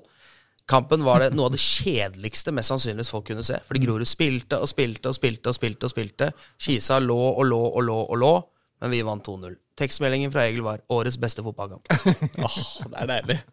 Han følger med på det, altså. Nei, vi, vi har jo hatt en, en eh, relasjon i etterkant. Den har jo blitt mindre og mindre ut fra at jeg har vært overalt eh, etter Lyn. Men, eh, men han er fortsatt en person som, som, som jeg har kontakt med, i, i mindre grad nå, da. Men, men jeg har hatt han som en referanse opp igjennom. Mm. han har alltid vært en mulighet, og han, jeg tror han i utgangspunktet syns det er litt gøy å følge det. Eh, så vet jeg ikke hvor mye han gjør det til enhver tid. da. Det han blir, ikke, han blir ikke din assistent i Grorud, kanskje? Nei, han blir ikke min assistent. Jeg er veldig fornøyd med, med min assistent her i Grorud. Han mangler jo han kan, mangler jo litt eh, Han mangler jo Grorud på CV-en sin. Nei, mye han mangler sånn sett. Da. Men kanskje han kommer på tribunen? Det hadde vært veldig gøy eh, om Egil kom og så på. Eh, så får vi håpe at han syns at eh, Grorud ser ut som han ønsker. Det er jeg litt mer usikker på. Først og fremst i forsvar. Men jeg, jeg, tror, han, jeg, tror, han, sånn, jeg, jeg tror han hadde likt uh, måten vi vil prøve å spille fremover. Ja. Eh, I hvert, fall, ja, sånn I hvert fall hva vi prøver på. Ja. Mindre på tvers og mer fremover er en tanke. Så det, det tror jeg han hadde likt. Og så skal- hadde han nok justert på noe. Ja, det skal raskt fram i lengderetning. Det er jo noe han, han har, det er jo noe av postulatet hans. Absolutt. Men det er ett spørsmål som jeg stiller til alle trenere jeg intervjuer. Eh, det, hvis man greier å være litt konkret, så, så sier det kanskje litt om, eh, om stilen. Hva, hva, hvis eh, nå neste kamp, da, så scorer Grorud et mål, og så tenker du åh, det der er akkurat et sånt mål jeg håpa at vi skulle skåre. Det, det, det er liksom det beste målet jeg kunne se for meg at laget Det er sånn jeg aller helst vil gjøre sånn hver gang. Hvordan ser det målet ut, da? Det målet ser ut på følgende måte at vi eh, setter i gang eh, altså, Litt uavhengig hvor vi har ballen, da. Men la oss si vi skal ta liksom, drømmemålet. Så er det kanskje at vi eh, spiller på oss motstanderen. Altså motstanderen kommer til et høyt press, hvor vi posisjonerer oss så godt at vi klarer å finne en rettvendt spiller sentralt i banen. Når vi gjør det, om det enten er en av de sentrale eller det er en stopper, så har vi flyttet motstanderen så mye at det åpner seg rom. Eh, at vi da har så gode posisjoner eh, inn bak de, som gjør at vi, vi, vi truer bakrom, som åpner opp mellomrom. Eh, kan vi nå høyeste punktet, dvs. Si at vi kan slå enten direkte inn i bakrom, eller at vi spiller opp på en feilvendt som legger igjen i mellomrom, som så spiller gjennom igjen, og som ikke velger bredt, eh, og at vi kommer i en situasjon rundt 16-meteren hvor vi rett og slett er tre eller fire spillere som kommer fram, og vi spiller ballen på tvers og setter den i så å si åpent mål. Okay. Det er, det er drømmemål, uh, ut ifra hvordan vi ønsker å spille. Da går det fort fremover. Det er ikke så mange trekk, men vi utnytter de rommene som motstanderen gir oss, ved at vi har spilt på oss et press hvor de flytter fram flere spillere. Mm. Idet vi kommer rettvendt, så utnytter vi rommene fremover. Og så kommer vi med spillerne eh, inn i de rommene som gjør at det er ubalanse hos de. Og så kan vi få en aleine keeper og sette den. Om det er tvers over å sette den, eller om han setter den selv, det er egentlig ett fett. Men det er sånn Får vi den, og tre, to av sjansene mot start er akkurat sånn. Så vi var veldig nære. Men det betyr at uh, når, hvis du møter lag som, uh, som parkerer bussen og setter alle, alle mann på uh, egen 16-meter, da har du en kjedelig dag på jobben? Det laget som gjør det mot Grorud, er jeg litt sånn spent på å se. Eh, det må jeg være innrømme. Får vi det, så, så, skal vi være forberedt på det. Eh, da vil i hvert fall vi ha ballen mer enn dem, så det er vi jo da fornøyde med. Men det er klart at det, det ville overraske meg om vi fikk akkurat det. De kan få det i perioder. Start havner lavt i perioder mot oss. De parkerer ikke bussen, men de prioriterer rom. Så det kommer vi til å oppleve. Eh, men total parkering av bussen det kommer ikke en Ullskissa her, tror jeg, mot Grorud. Det ville overraske meg. Men, men, men det, det, kan jo selvfølgelig skje. Du, du, du, må jo forberede deg på det. Men nå gjør vi en Som alle trenere og alle team, så gjør man jo en analyse av motstanderen i forkant. Og vi har veldig god oversikt over hva vi møter. Mm. Og hvordan lagene utgangspunktet ønsker å spille. Så man har så mye info nå at uh, det ville overraske meg. Men, uh, men, det er klart at uh, om det er en kjedelig dag på jobben? Nei, men om den blir litt vanskeligere å få til det drømmemålet? Ja, det, det er mulig. Vi sitter her på overgangsvinduets siste, siste døgn. Ja. Det kommer, ikke en, kommer, det kom en kjempesignering herfra da, når vi har gått ut døra her? Nei, hvis, du, hvis, man på en måte har litt grunnlag og kjenner til Grorud som klubborganisasjon, så, så, er ikke vi i posisjon til å, til å cashe ut noen store overganger. Og så er jo det andre utfordringen vi også har, det er at vi man, man jobber litt for å, for å, ta den med overgangsvinduet. Så jobber vi litt på, på litt flere fronter. Det ene er hva kan man forsterke kortsiktig for å prøve å holde laget i Obos-ligaen? Jo, hvis vi skal gjøre det, så koster det. Eh, og så I tillegg så må du få spillere til å ville komme hit til oss i den situasjonen. Mm. For de spillere som er av den kvaliteten, de tenker kanskje at ah, det er ikke den jeg nødvendigvis ser. Mm. Så det er en vanskelig måte, og det gjør at markedet er vanskelig. Eh, hvis vi tar den litt bort, så er det, er det spillere der ute som både kan komme inn og forsterke oss kortsiktig, men som er langtidsløsninger. Mm. Altså Som også er der at enten at for det første og fremst at de er, kanskje er unge spillere som innehar en kvalitet vi ikke har akkurat nå, som kan styrke både konkurransesituasjonen, og som også er veldig riktig for Grorud i 2023. Det er den neste. Mm. Den er eh, litt usannsynlig at man klarer på siste dagen. Men det er liksom litt av prioriteringen vår. Men vi jobber med markedet. Vi er der, og vi ser etter muligheter. Men uh, det er ingen panikk her ut ifra hvordan et overgangsvindu ofte er på siste dagen. Ja, det, er, det, er, ingen panikktanker i Grorud, og det er jo også mye av grunnen til at jeg også er her. Jeg opplever ikke Grorud i det hele tatt som en klubb med panikk. Jeg opplever en klubb som ønsker å ta tilbake identiteten, satse på unge spillere, uh, ha en treningskultur og en kultur i klubben som handler om å makse mulighetene. Uh, og det er jo det som treffer meg aller mest. Men det er også en klubb som eh, kan ansette en trener på en uh, tre-fire timer på en uh, tirsdags ettermiddag, så da, da, kan man vel ansette en spiss på 20 minutter på overgangs... Ja, spiss, spiss, trenger vi ikke. Peter Michael har jo kommet inn, ja, ja. som er en forsterkning. Torje mm. Naustdal har kommet inn fra Haugesund og er en kjempeforsterkning i midtbaneleddet. Mm. så, så Grorud har jo allerede prøvd å styrke, og ikke minst gjort det. Det er to veldig gode fotballspillere. Mm.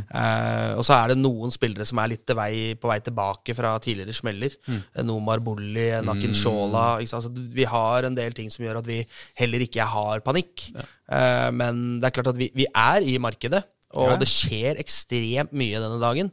Altså, Jeg kommer jo til å være her fram til klokka er tolv. ikke sant? Ja, du gjør det, ja. ja, selvfølgelig gjør jeg det. For det første fordi det er gøy å følge med. Det andre er at vi, vi er aktive, men vi har klare prioriteringer. Vi kommer ikke til å hente noe i panikk. Vi kommer ikke hente noe som vi er usikre på, som er dyrt. Men treffer vi innenfor en av de prioriteringene, og det er riktig fordi det er også det siste. Spillere må ville komme til Grorud. Det er ekstremt viktig for Grorud. Er det spillere som er Nei, det passer ikke helt. Altså, Da er vi ikke interessert i det hele tatt. Da har vi en utviklingsavdeling. Det var et G19-lag her som, som, som, slo ut Stabæk i, i, i forrige runde. Mm. Eh, som, og det, det er sterkt. Først Odd, og så Stabæk. Det er liksom sånn eh, Du sender kanskje det antatt beste akademiet bare hjem til Bærum og sier 'du kommer ikke hit'. Mm. Eh, og det er jo mange Grorud-spillere. Uh, som, som, som, som, vi ønsker å fremheve.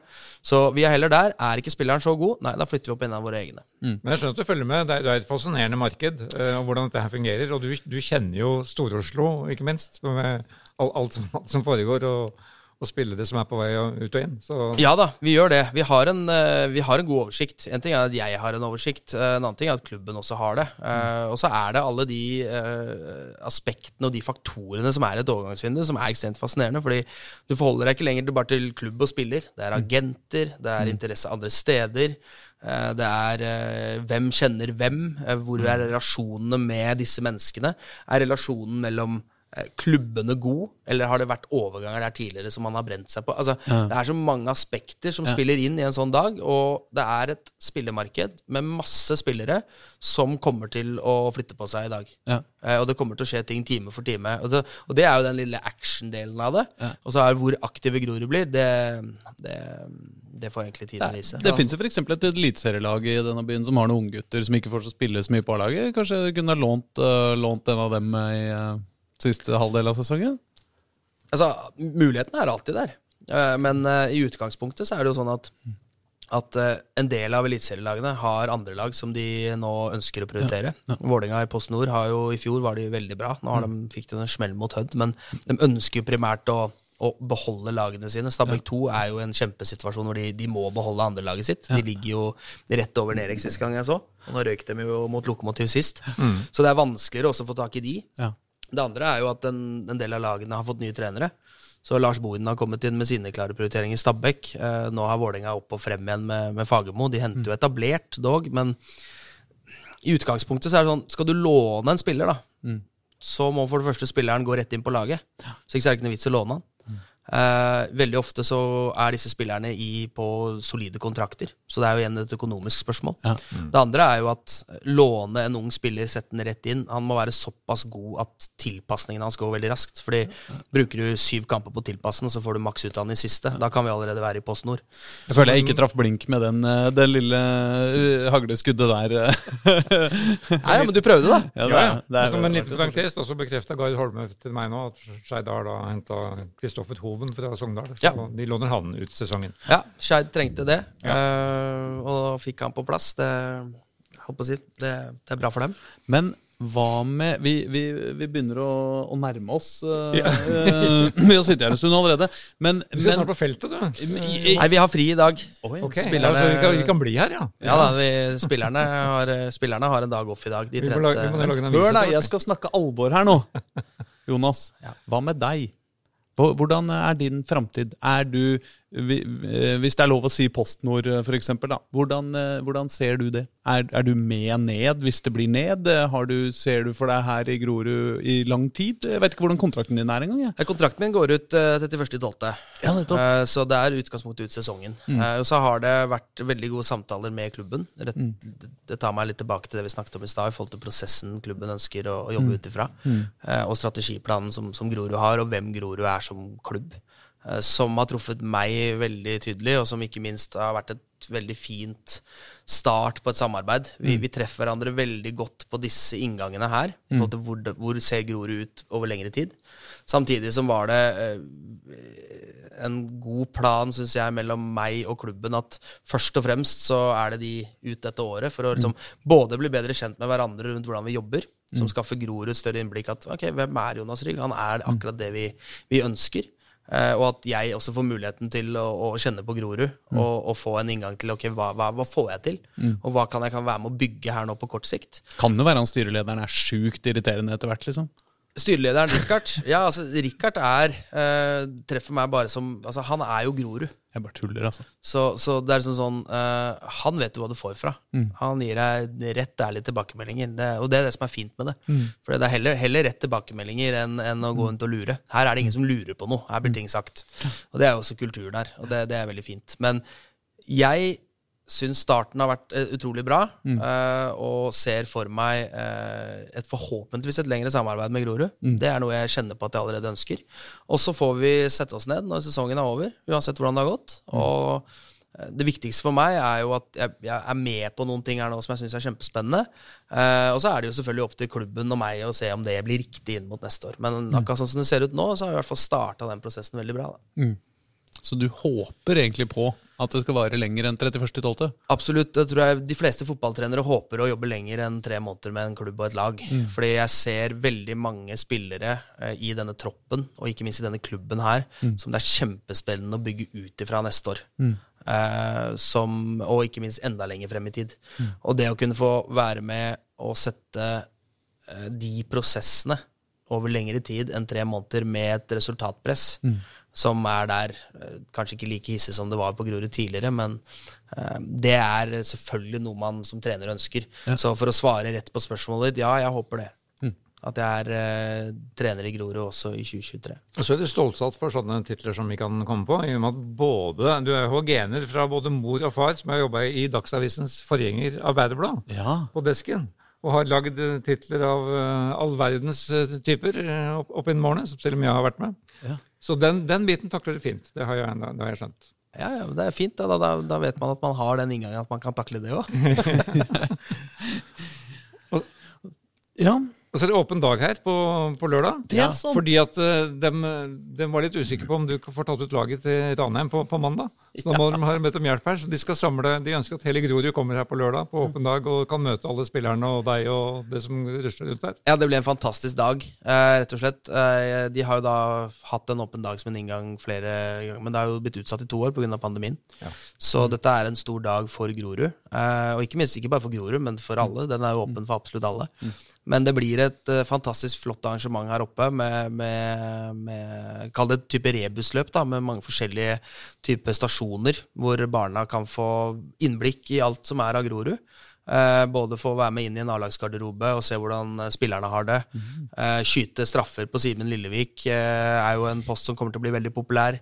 Eh, og så skal jo jeg da sammen med min medtrener Vegard sitte på en post hvor ungene skal få lov til å ta ut elveren. Og jeg er ganske sikker på at de ungene kommer med noe ganske smart. Så du skal ikke se bort fra at eh, den startelveren mot, uh, den startelveren mot Ranheim ligner litt på noen av disse ungenes forslag eh, når vi kommer til mandag. Ja, så kanskje, kanskje Simen Nei, eh, ja, kanskje keeperen ryker også, hvis det blir for mye baklengsmål mot nabolagets unge Ja, det er klart at Hvis han skal stå der og ta imot 200-300 straffespark så altså, Det er mulig han kan bli litt bedre på straffespark i den perioden der også. Eh, og så håper jeg at han redder noen, men, eh, men det er klart at eh, han blir aktiv her på, på, på, på åpen dag. Det er Ja, for da får han merke mangfoldet i Groruddalen. For det er, det er mye talenter der. Altså. Ja, det er mange talenter, og det, en, og det må jeg bare si at uh, hvor Grorud er med utviklingsavdelingen sin, der har de kommet langt på norsk nivå. Eh, og det er ekstremt imponerende. Og hvordan de har gjort det, er det mest imponerende, fordi de bruker Groruddalen som utgangspunkt. De bruker verdiene i Groruddalen, og hvordan samle Groruddalen.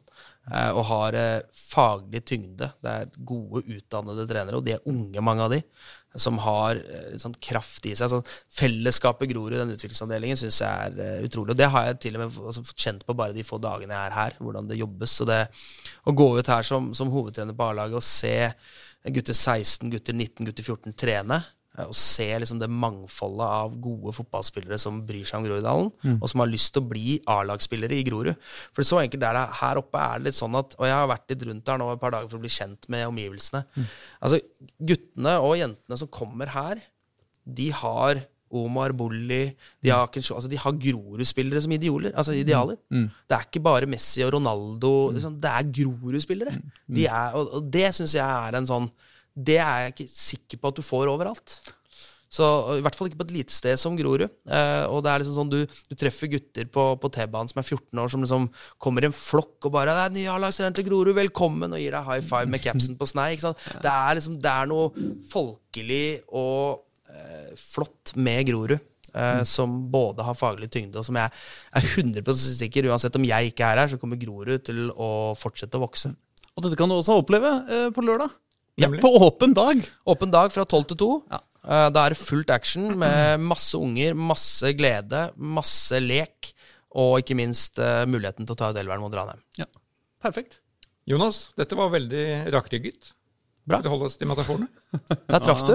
Jeg syns, ja, den var Jeg, syns, bedre. jeg syns faktisk den Syns var veldig fin. Det var en rakrygget podkast, var det det du liksom gjorde nå? Ja. Ja, den, eh, den skal jeg ta med meg. Det er ryddig. Er Nei, men takk for at vi fikk komme. Tusen takk for at jeg fikk muligheten til å være med. Og lykke til. Takk for det. Ha det.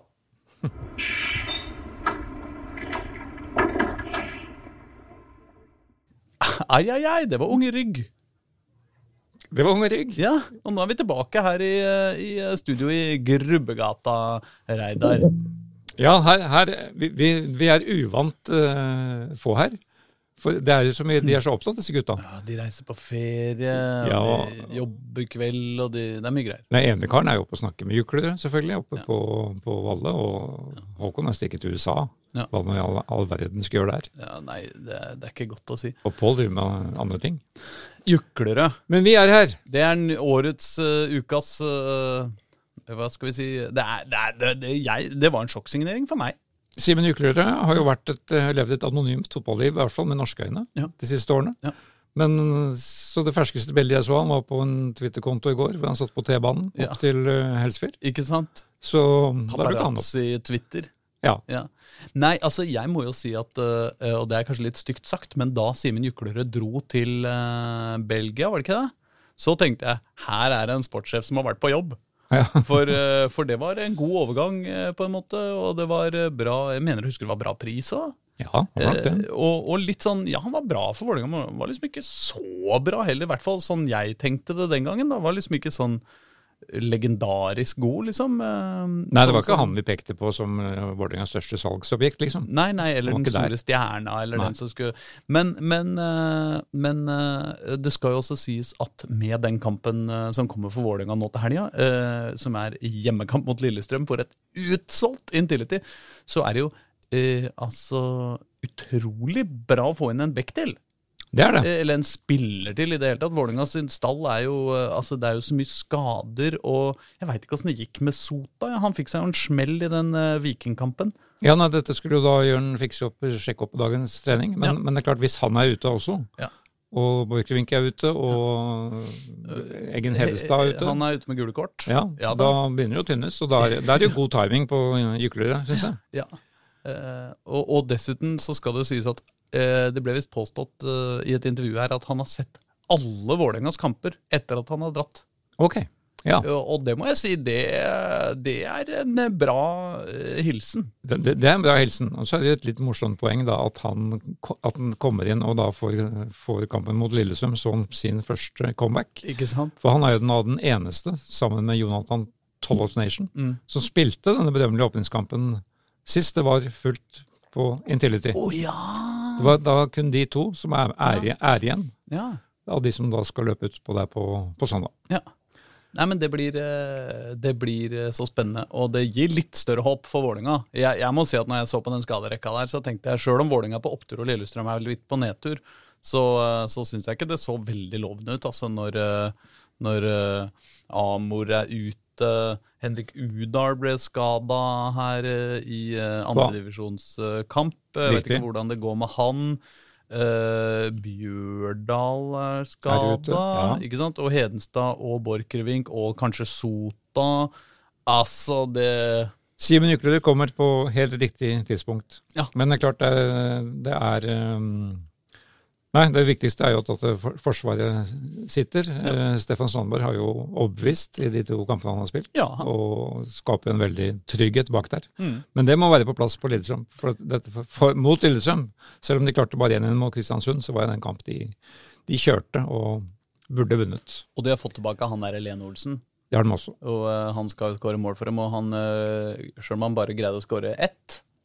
Men så hadde han jo usedvanlig mange store sjanser sist. Men det må være lov å snakke litt om om av Viking eh, også, eller, eh, eller Osame-showet, eh, som det går an å Går an å kanskje kalle det? Det er, det, det, det er jo noe fascinerende med han at når han lykkes og scorer, så ser det så veldig enkelt ut. Ja. Og så tenker man hvorfor har han ikke gjort dette, hvorfor har ikke dette skjedd hver eneste gang? For han har jo prøvd på dette 97 ganger tidligere i år, Ja. og har gått seg fast, eller skutt over, eller blitt blokkert. Ja. Her gikk det rett inn. Ja, ja. Altså, ja, altså ett mål fra så spissvinkel at uh, du, det, det så jo for lengst tapt ut. av, Hvorfor skyter du der? Hvorfor spiller du ikke i 45? Å nei, han skyter i mål, ja. Ja, Ja. nettopp. Og andre var vel eh, var jo en sånn helt klassisk eh, Osame-situasjon. Han bare nærmer seg 16-meteren. Det er et par spillere foran han. Han bare svinger litt til høyre og, og og smeller av et skudd.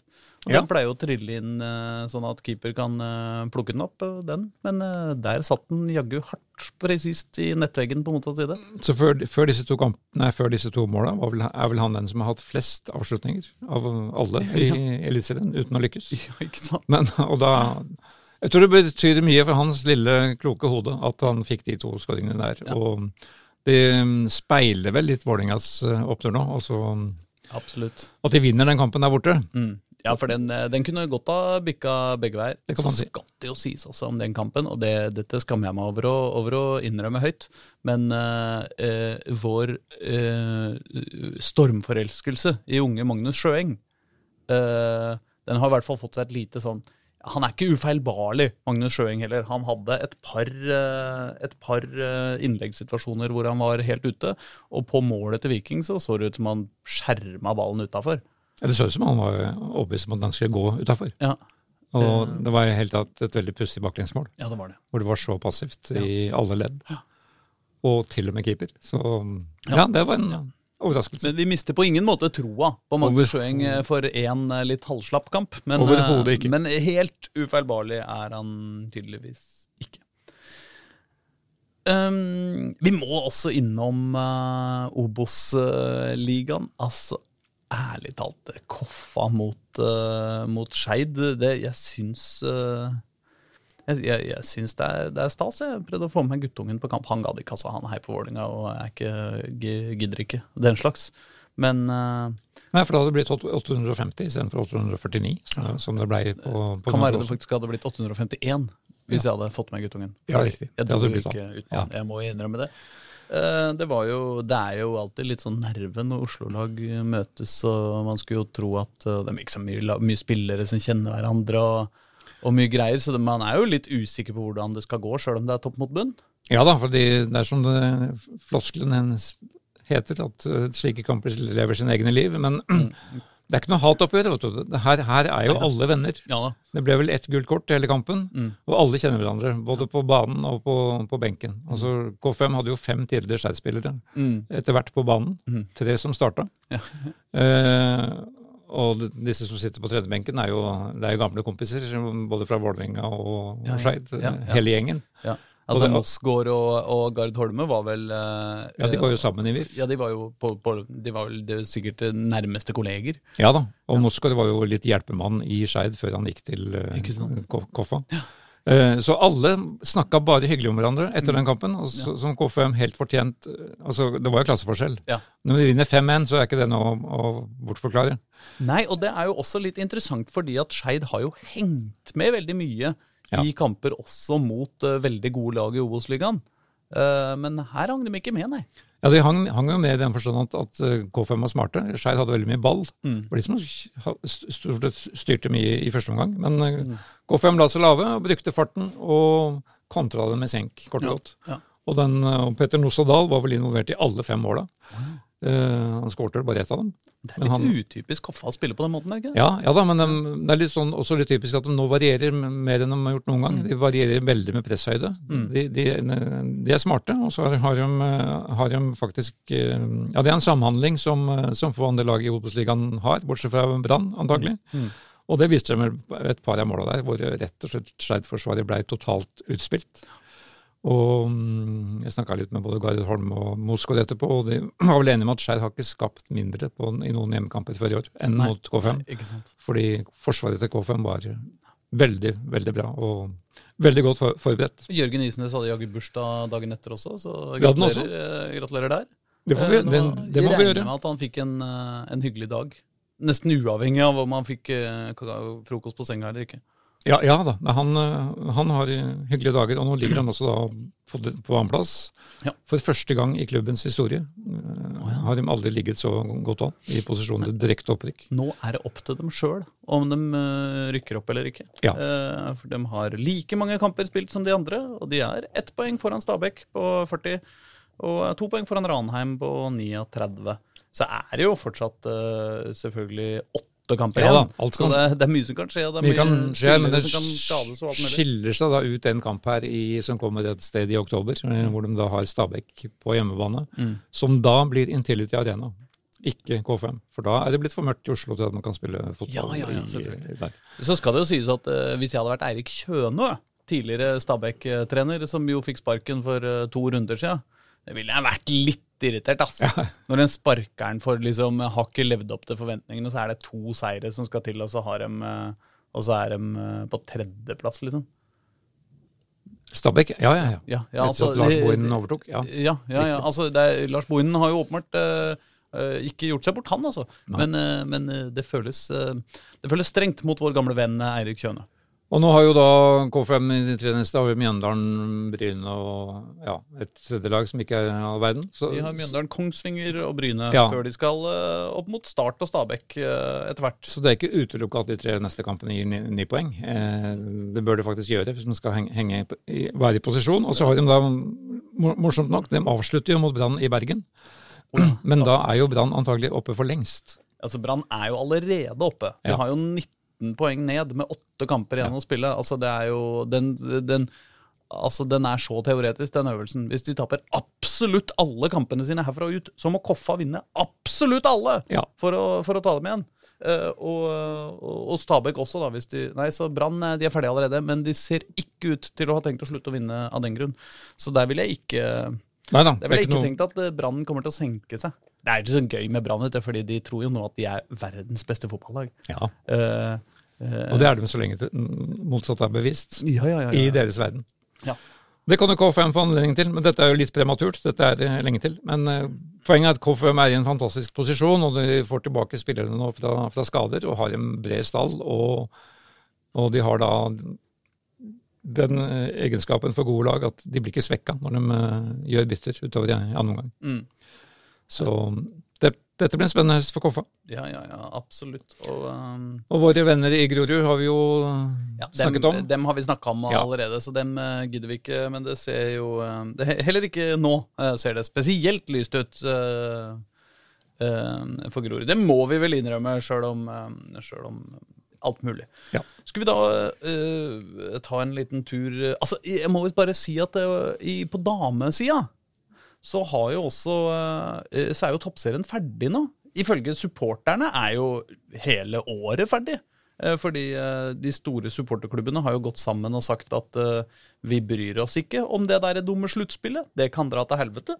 Um, men, eh, men det virker jo som Vålerenga eh, slutta en uke for tidlig. De slutta ikke å fortelle ved å tape, tape for Kolbotn på Sofiemyr. Ja, altså, først tapte de mot, mot Rosenborg eh, borte. Eh, Ja. Fikk juling i cupen, så det ikke blir noen semifinale. Ja. Og så, eh, og så er, var jo da altså situasjonen før helga eh, var da altså sånn at Vålerenga måtte stole på Lyn. Lyn måtte, måtte vinne over Rosenborg. Og, og, og hvis de gjorde det, så hadde Vålerenga en sjanse på andreplassen. Forskjellen på andreplass og tredjeplass er jo to poeng eh, i et eh, kort, kort, kort sluttspill, så det er jo veldig, veldig betydningsfullt. Uh, og alt Vålerenga trenger å gjøre, er å, eh, er å uh, ta altså, uh, slå Kolbotn, et lag som de slår hver eneste kamp, og som ikke har noe som helst å spille for. Jo da, det hadde de, for de kunne nå den fjerdeplassen. Ja, det sant. Ja, det kunne de, men Ja. eh, det, det var et enda lengre stretch, eh, Ja på en måte. Men de fikk jo faktisk den fjerdeplassen da, ved å slå Men det gjorde de vel ikke? Vålerenga. Nei da. Stabæk nei, Stabæk selvfølgelig. Stabæk vant. for at det. Stemmer. Men Ja. ti, ti minutter før slutt så, så, så lå Kolbotn på den fjerdeplassen, for da lå Stabæk sleit med å vinne sin kamp. Ja. Sånn var det. Det er helt riktig. Men uh, Lyn slo jo i hvert fall Rosenborg 2-1. Det er jo altså et sensasjonelt resultat. Uh, uh, sånn juling Lyn fikk av Vålerenga bare for to uker siden. Og, så, slår dem Rosenborg.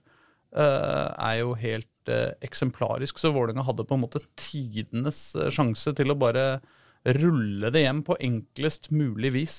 Ja, Men det, så surrer de det bort altså med 1-3 mot, uh, mot Kolbotn. Sjøl om de til og med tok ledelsen! ja, og det var eh, ifølge Vårmann som så kampen, veldig sløv opptreden av Vålerenga i den kampen. Ja. Det så ut som de, ja, sesongen slutta litt for tidlig. Ja.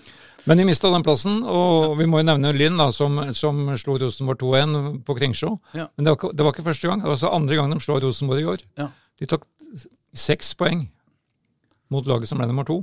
Noen bør eh, ta en liten prat eh, med hva, hva i huleste det er Lyn eh, får til der, før uh, før eh, sluttspillet starter nå. Fordi sjøl om uh, en viss lojalitet til Norges fotballsupportere har vi vel i denne podkasten, det må vi si. Men, men det er ikke sånn at vi ikke kommer til å følge med på sluttspillet. Nei, nei, nei. Vi, skal, vi må følge med. Men jeg har ikke skjønt uh, Altså, seriemesteren er ikke kåra, som jeg skjønner. Nei, den Det er er- jo det er ikke det, men det er bare supporterne mener at den moralske seriemesteren nå er Brann. Ja, og det, det, er jeg enig i, og jeg syns de burde kåre en seriemester etter grunnserien. Uh, hvert- fall Gjort som i hockey, liksom, og sagt at eh, sluttspillet er uh, Norgesmesterskapet. Ja, noe sånt. Uh, fordi det, det Lyn opplever nå, er jo at uh, etter at Julie gjorde, som da skåra vinnermålet på overtid, Ja. på frispark, hennes første mål for Lyn, en veldig grei avslutning, Ja. de sitter da med, igjen med null poeng. Ja da. Null poeng og Etter å ha slått Rosenborg to ganger. Ja. Og går inn, eh, Går inn i så- nedrykkskamp. Så den sesongen blir jo, altså den tabellen blir jo bare strøket. Ja da. Eh, strøket og glemt. Mm. Og så går de inn med, ja, for der starter jo alle, alle med null poeng i den eh, såkalte nedrykksligaen. Ja.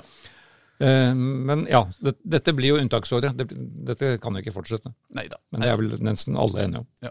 Men veldig god avslutning av Lyn, veldig dårlig avslutning av Vålerenga. Um, Og Røa, det er jo morsomt med dem òg.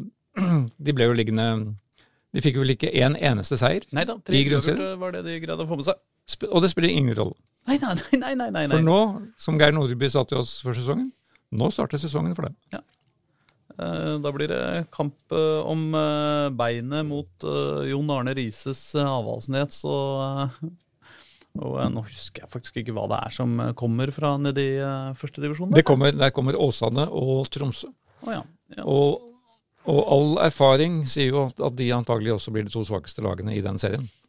Ja. Men vi skal ikke ta fra dem muligheten. Lyn slo Tromsø 3-1 i cupen her i, tidligere i høst, i hvert fall, oppe Ja. på Alfheim. Ja. Eller TIL 2020, som det heter i Ja, NFF-terminologien. Det er veldig rart. Eh, Det skal jo også sies at eh, også for dem eh, må det jo være utrolig irriterende når du vinner førstedivisjon og likevel ikke kan i, i, i. Mest sannsynlig ikke greier å rykke opp. Det, det, det Det skal være litt utskifting også. Samme det. Dette har vi klaga om så mye før at det gidder vi ikke klage om lenger. Skal vi en ørliten tur eh, nedover i eh, divisjonene før vi, eh, før vi tar kvelden? Det blir jo langt, dette.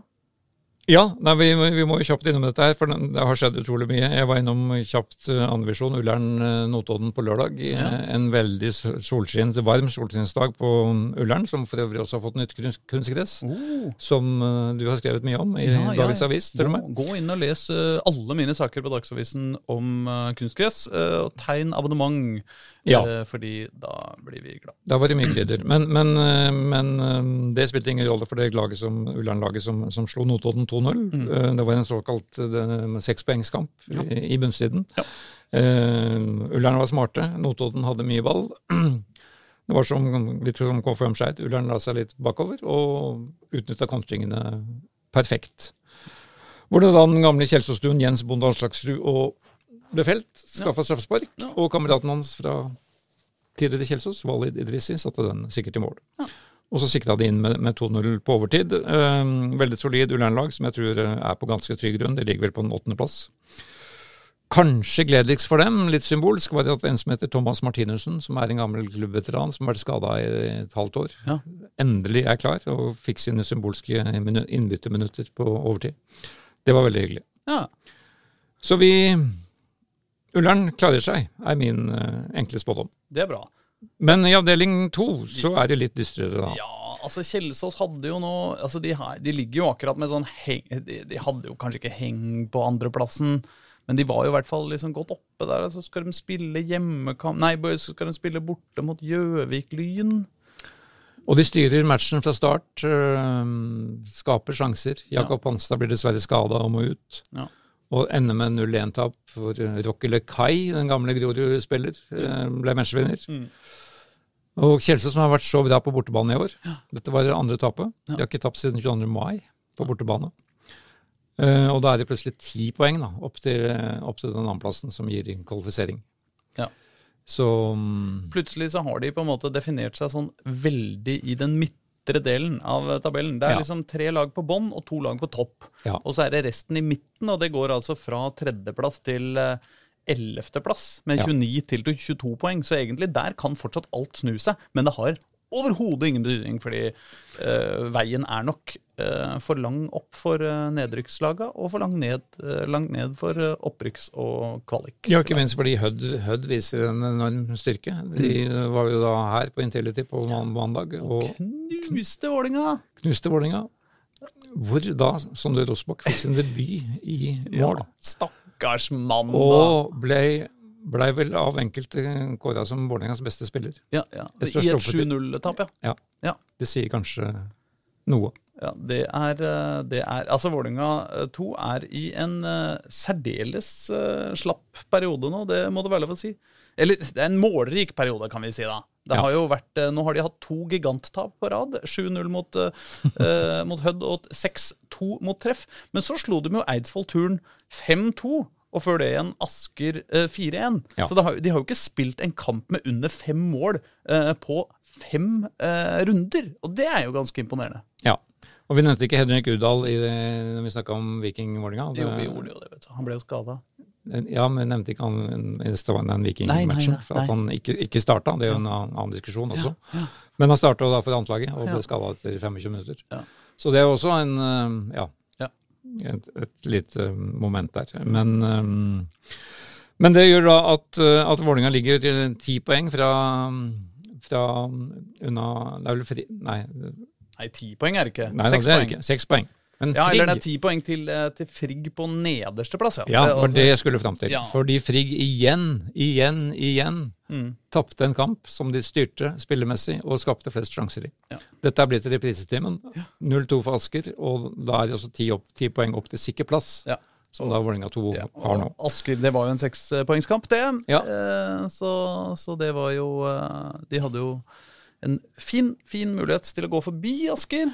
Og hadde de ikke det? Jo. Jo, og så, men, men eh, når dette gjentar seg i alle kamper, så Ja. begynner det å bli fristende å avskrive Frigg snart. De er også svært bekymra for uh, dekket på den uh, nye treningsbanen de skal få på uh, Tørtebergjordet, uh, okay. Frigg. Eh, som jeg nevnte i den samme kunstgressaka, for de kommer til å få noe sånn kork og kokos eller olivenkjerner eller et eller annet sånt vet du, i treningsbanen sin. Ja. Og det, det bekymrer dem. Ja. Eh, så, så eh, det er ikke sikkert eh, de er helt i mål med uhell, ulykke, men kanskje. Trikkeligaen. Yes. Den ekte trikkeligaen. Der følger vi jo da drama i teten mellom Lyn og Nordstrand. Ja. Eh, Lyn var i Bergen og spilte mot Fyllingsdalen, og var vel tredje kamp på rad hvor da motstanderen skårer først. Men Lyn evner å snu det, og eh, vinner, vinner 4-2 der. Eh, Ibba, Ja. husker du han? Han, eh, Ja, ja, var Vålinga ja, var, ja, han vært i Vålinga, har vært i Skeid. Var det, var det han som var så uh, innmari god i uh, futsal? Ja, Ja. det stemmer. Et, et, det var vel han tidligere Skeid-treneren Kjell Sveit Hansen Wold, når han var gjest hos oss i fjor, Ja, snakka veldig varmt om han. Ja. Er da tydeligvis gammel kompis av Jan Halvor Halvorsen, som da henta han hjem og fikk sin Det var vel debutkampen for Lyn, da, Ja, var i, i Bergen. Ja. Så mm, han styrker da Ja, han, han skal da hjelpe David Tavakoli med å skyte lynet opp. Ja. Um, han skårer vel ikke noe der borte, men han um, ja, det, han, han er en fascinerende historie, som vi skal komme tilbake til. Og, og for oss som er opptatt av Oslo-fotball, vi er jo vant til at uh, folk som heter Aga, skårer mål for Oslo-lag. Ja. Eh, Men vanligvis har det jo da vært snakk om Oskar Aga i eh, Grorud, før han eh, forsvant til det store utland og ble eh, halvstjerne borte i Sverige.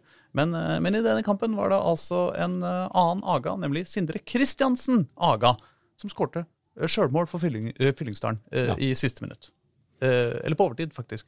Ja. Så det ble jo på en måte et plussmål for Oslo-laga, da.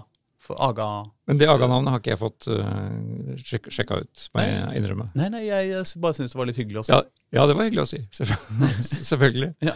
Men, men det betyr da at avstanden holder seg. Jeg var jo da innom Grefsen stadion på, på søndag, hvor, hvor Nordstrand slo Kjelsås-rekruttene 2-0. Ja. Oliver Midtgaard Ja. igjen skårte to mål. To flotte, flotte enkeltmannsprestasjoner av et vanvittig høytpressende Nordstrand-lag. Mm. Eh, Snakka så vidt med Midtgård etterpå, som da nedvurderte seg sjøl i alle sammenheng. Dette var en lagseier, dette var en lagseier. Men eh, han har vel skåra 16 mål nå for denne klubben, og har en viss betydning. Og det måtte han til slutt vedgå, da. Ja, ja. Så alt, eh, så lenge de to lagene vinner, så styrer de da mot denne seriefinalen i midten av oktober Ja, på Nordstrand. Lyn er nå tre poeng eh, foran fortsatt. Eh, De har jo altså ikke et eneste tap, Lyn. Eh, Det er jo imponerende. Men uh, det er fortsatt innafor rekkevidde for at den seriefinalen skal bli eh, noe av det morsomste som kan foregå i år. Og så må jeg bare anbefale våre lyttere, for vi kan ikke gå gjennom alle kampene her nå, men alt, alt, det meste av dette er beskrevet på våre nettsider. men Sånn som Os, Os Grorud 2, som, som spilte i Bergen på lørdag. Eh, 2-2, hvor eh, Os er et av, et av de bedre lagene i avdelingen. Absolutt. Grorud leda jo til det var spilt jeg tror det var 99 minutter. Da kom utligna til, til Os. Fergie time. Fergie time Fergie time. Ja. Og så hadde du um, Reddy, Reddy, som da slo Os i forrige runde, som også var på Vestlandet og spilte mot Frøya. Tapte 3-2. Og så hadde du i samme by Sandviken, som slo Oppsal 2-1. Bra prestasjon av Oppsal. Mm. Vinnermålet til Sandviken. Selvfølgelig på overtid. Ja. Eh, Fyllingsdalen og, Kjelsestad har vi snakket om. Lokomotiv Oslo må vi nevne. De har nå fem kamper uten tap. Slo igjen en sterk prestasjon mot Stabæk eh, annet lag. Mm. Eh, slo dem 1-0, så de leker seg litt sånn litt tilbake i ryggen på, på Nordstrand og, Skeid oppi der. Ja, de kan, de kan eh, være De er godt innafor rekkevidde til å ta en tredjeplass. Eh, Ja. En tredjeplass som overhodet ikke betyr noe, men det gjør heller ikke andreplassen. Nei da, men de kan vel eh, etter som jeg jakte fortsatt ny klubbrekord i plassering i seriesystemet. Ja. Men, eh, men rundens høydepunkt ble spilt på Greibanen eh, tirsdag kveld. Oh ja, ble den det? Grei mot Skeids antlag. Oi. Endte 4-4. Nei! Skeid leda 2-0 tidlig, Fy flate. og Skeid leda 4-1 da det var eh, ja, halvtime igjen, kanskje. Nei. Og så ble det helt vanvittige scener på overtid der. Jeg tror det ble 3-4 på etter 88. minutt.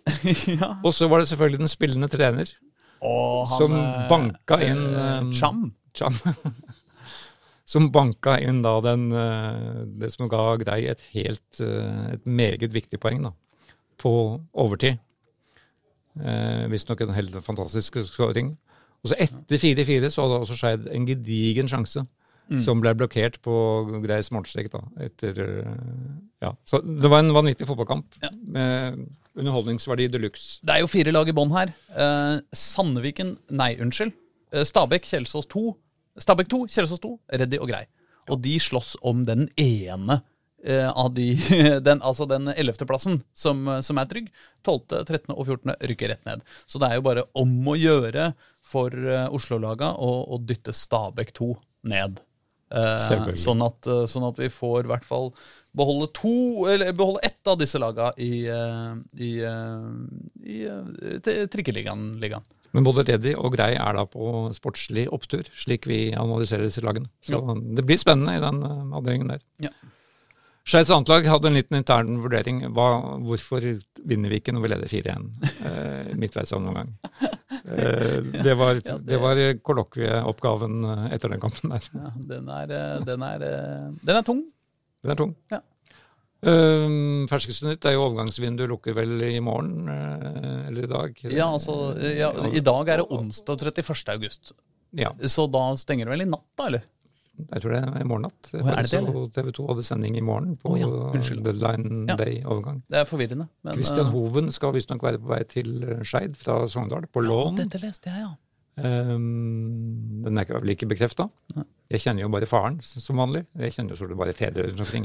Så han var jo fotograf og har levert mange bilder til oss. ja. Men uh, Anders, men det er en annen historie. Ja, men Da får du ta og eh, knytte noen eh, gamle kontakter opp igjen vet og ringe og høre om det, om det stemmer. Men Det det, gjør vel sikkert det, i og med at det er meldt av eh, eh, seriøse Sogn, medier. medier. Ja, det, Sogn Avis det stoler vi på. Den stoler vi på. Og så er det jo da um, litt morsomt i og med at Sogndal og Skeid møtes faktisk på mandag i neste serierunde. Ja, altså, Hvor spiller Hoven? Hvor spiller Hoven? Ja. Og, ja. Nei. Men før det, KFM Mjøndalen på søndag. Mm. På søndag, merk det. ja. Ekeberg. Som en Eh, eh, Ikke på mandag, altså. Nei, som et forspill til uh, Vålerenga-Lillestrøm. 20.00. Men det er ikke noe å tise lenger, for det er folk kommer ikke inn her lenger. Nei. Det er usolgt. Ja, det er det. bare det er tolv billetter ledig på blant LSK-fansen, men den, dem angår ikke oss. Det minner meg på at jeg må akkreditere meg. Nei, men da sier vi det sånn, da. Men jeg skal for øvrig opp og snakke med eh, tidligere VIF-trener Geir Bakke i morgen, eh, som visstnok trener dette laget. Ja, Er det noe ja, jeg bør spørre om, som eh, ligger, ligger i dagen? Hvordan eh, står du når du står opp om morgenen? Eh, Ja. Har du dekket til speilet? Akkurat. Ja. Det, Nei, jeg bare tuller. Jeg bare tuller. Ah, sto... Geir Bakke er all grunn til å tro at han er en, en fremragende fyr. Han er en fremragende fyr, jeg kjenner, kjenner han litt. eh, Ja. Og han hadde jo et eventyropphold i Vålerenga på begynnelsen av 2000-tallet. ah, Da alt skjedde. Ja. Men nå er han altså LSK-trener og har vært det lenge. Og, ja. Ja, Dette kommer vi tilbake til. Han har jo på en måte vært den uh, assistenttreneren. Ja. Eh, og eh, nå har han eh, skal vi si, han har trådt ut av assistentskyggene og blitt eh, en, en stor keeper, nei, trenerstjerne. VIF-assistenten har den tidligere VIF-treneren Petter Myhre som assistent Ja. i assistentrollen der borte. Ja. Og alt, alt dette samles på Intility på søndag. Men han har ikke hatt Drillo som assistent. Nei, Nei, nei det har han ikke. det er det bare Rigg som kan Ja, dette, dette hørte vi om før. Ha det! Ha det!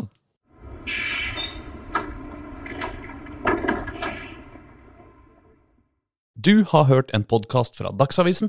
Ansvarlig redaktør heter Andreas Heen Haaland Karlsen.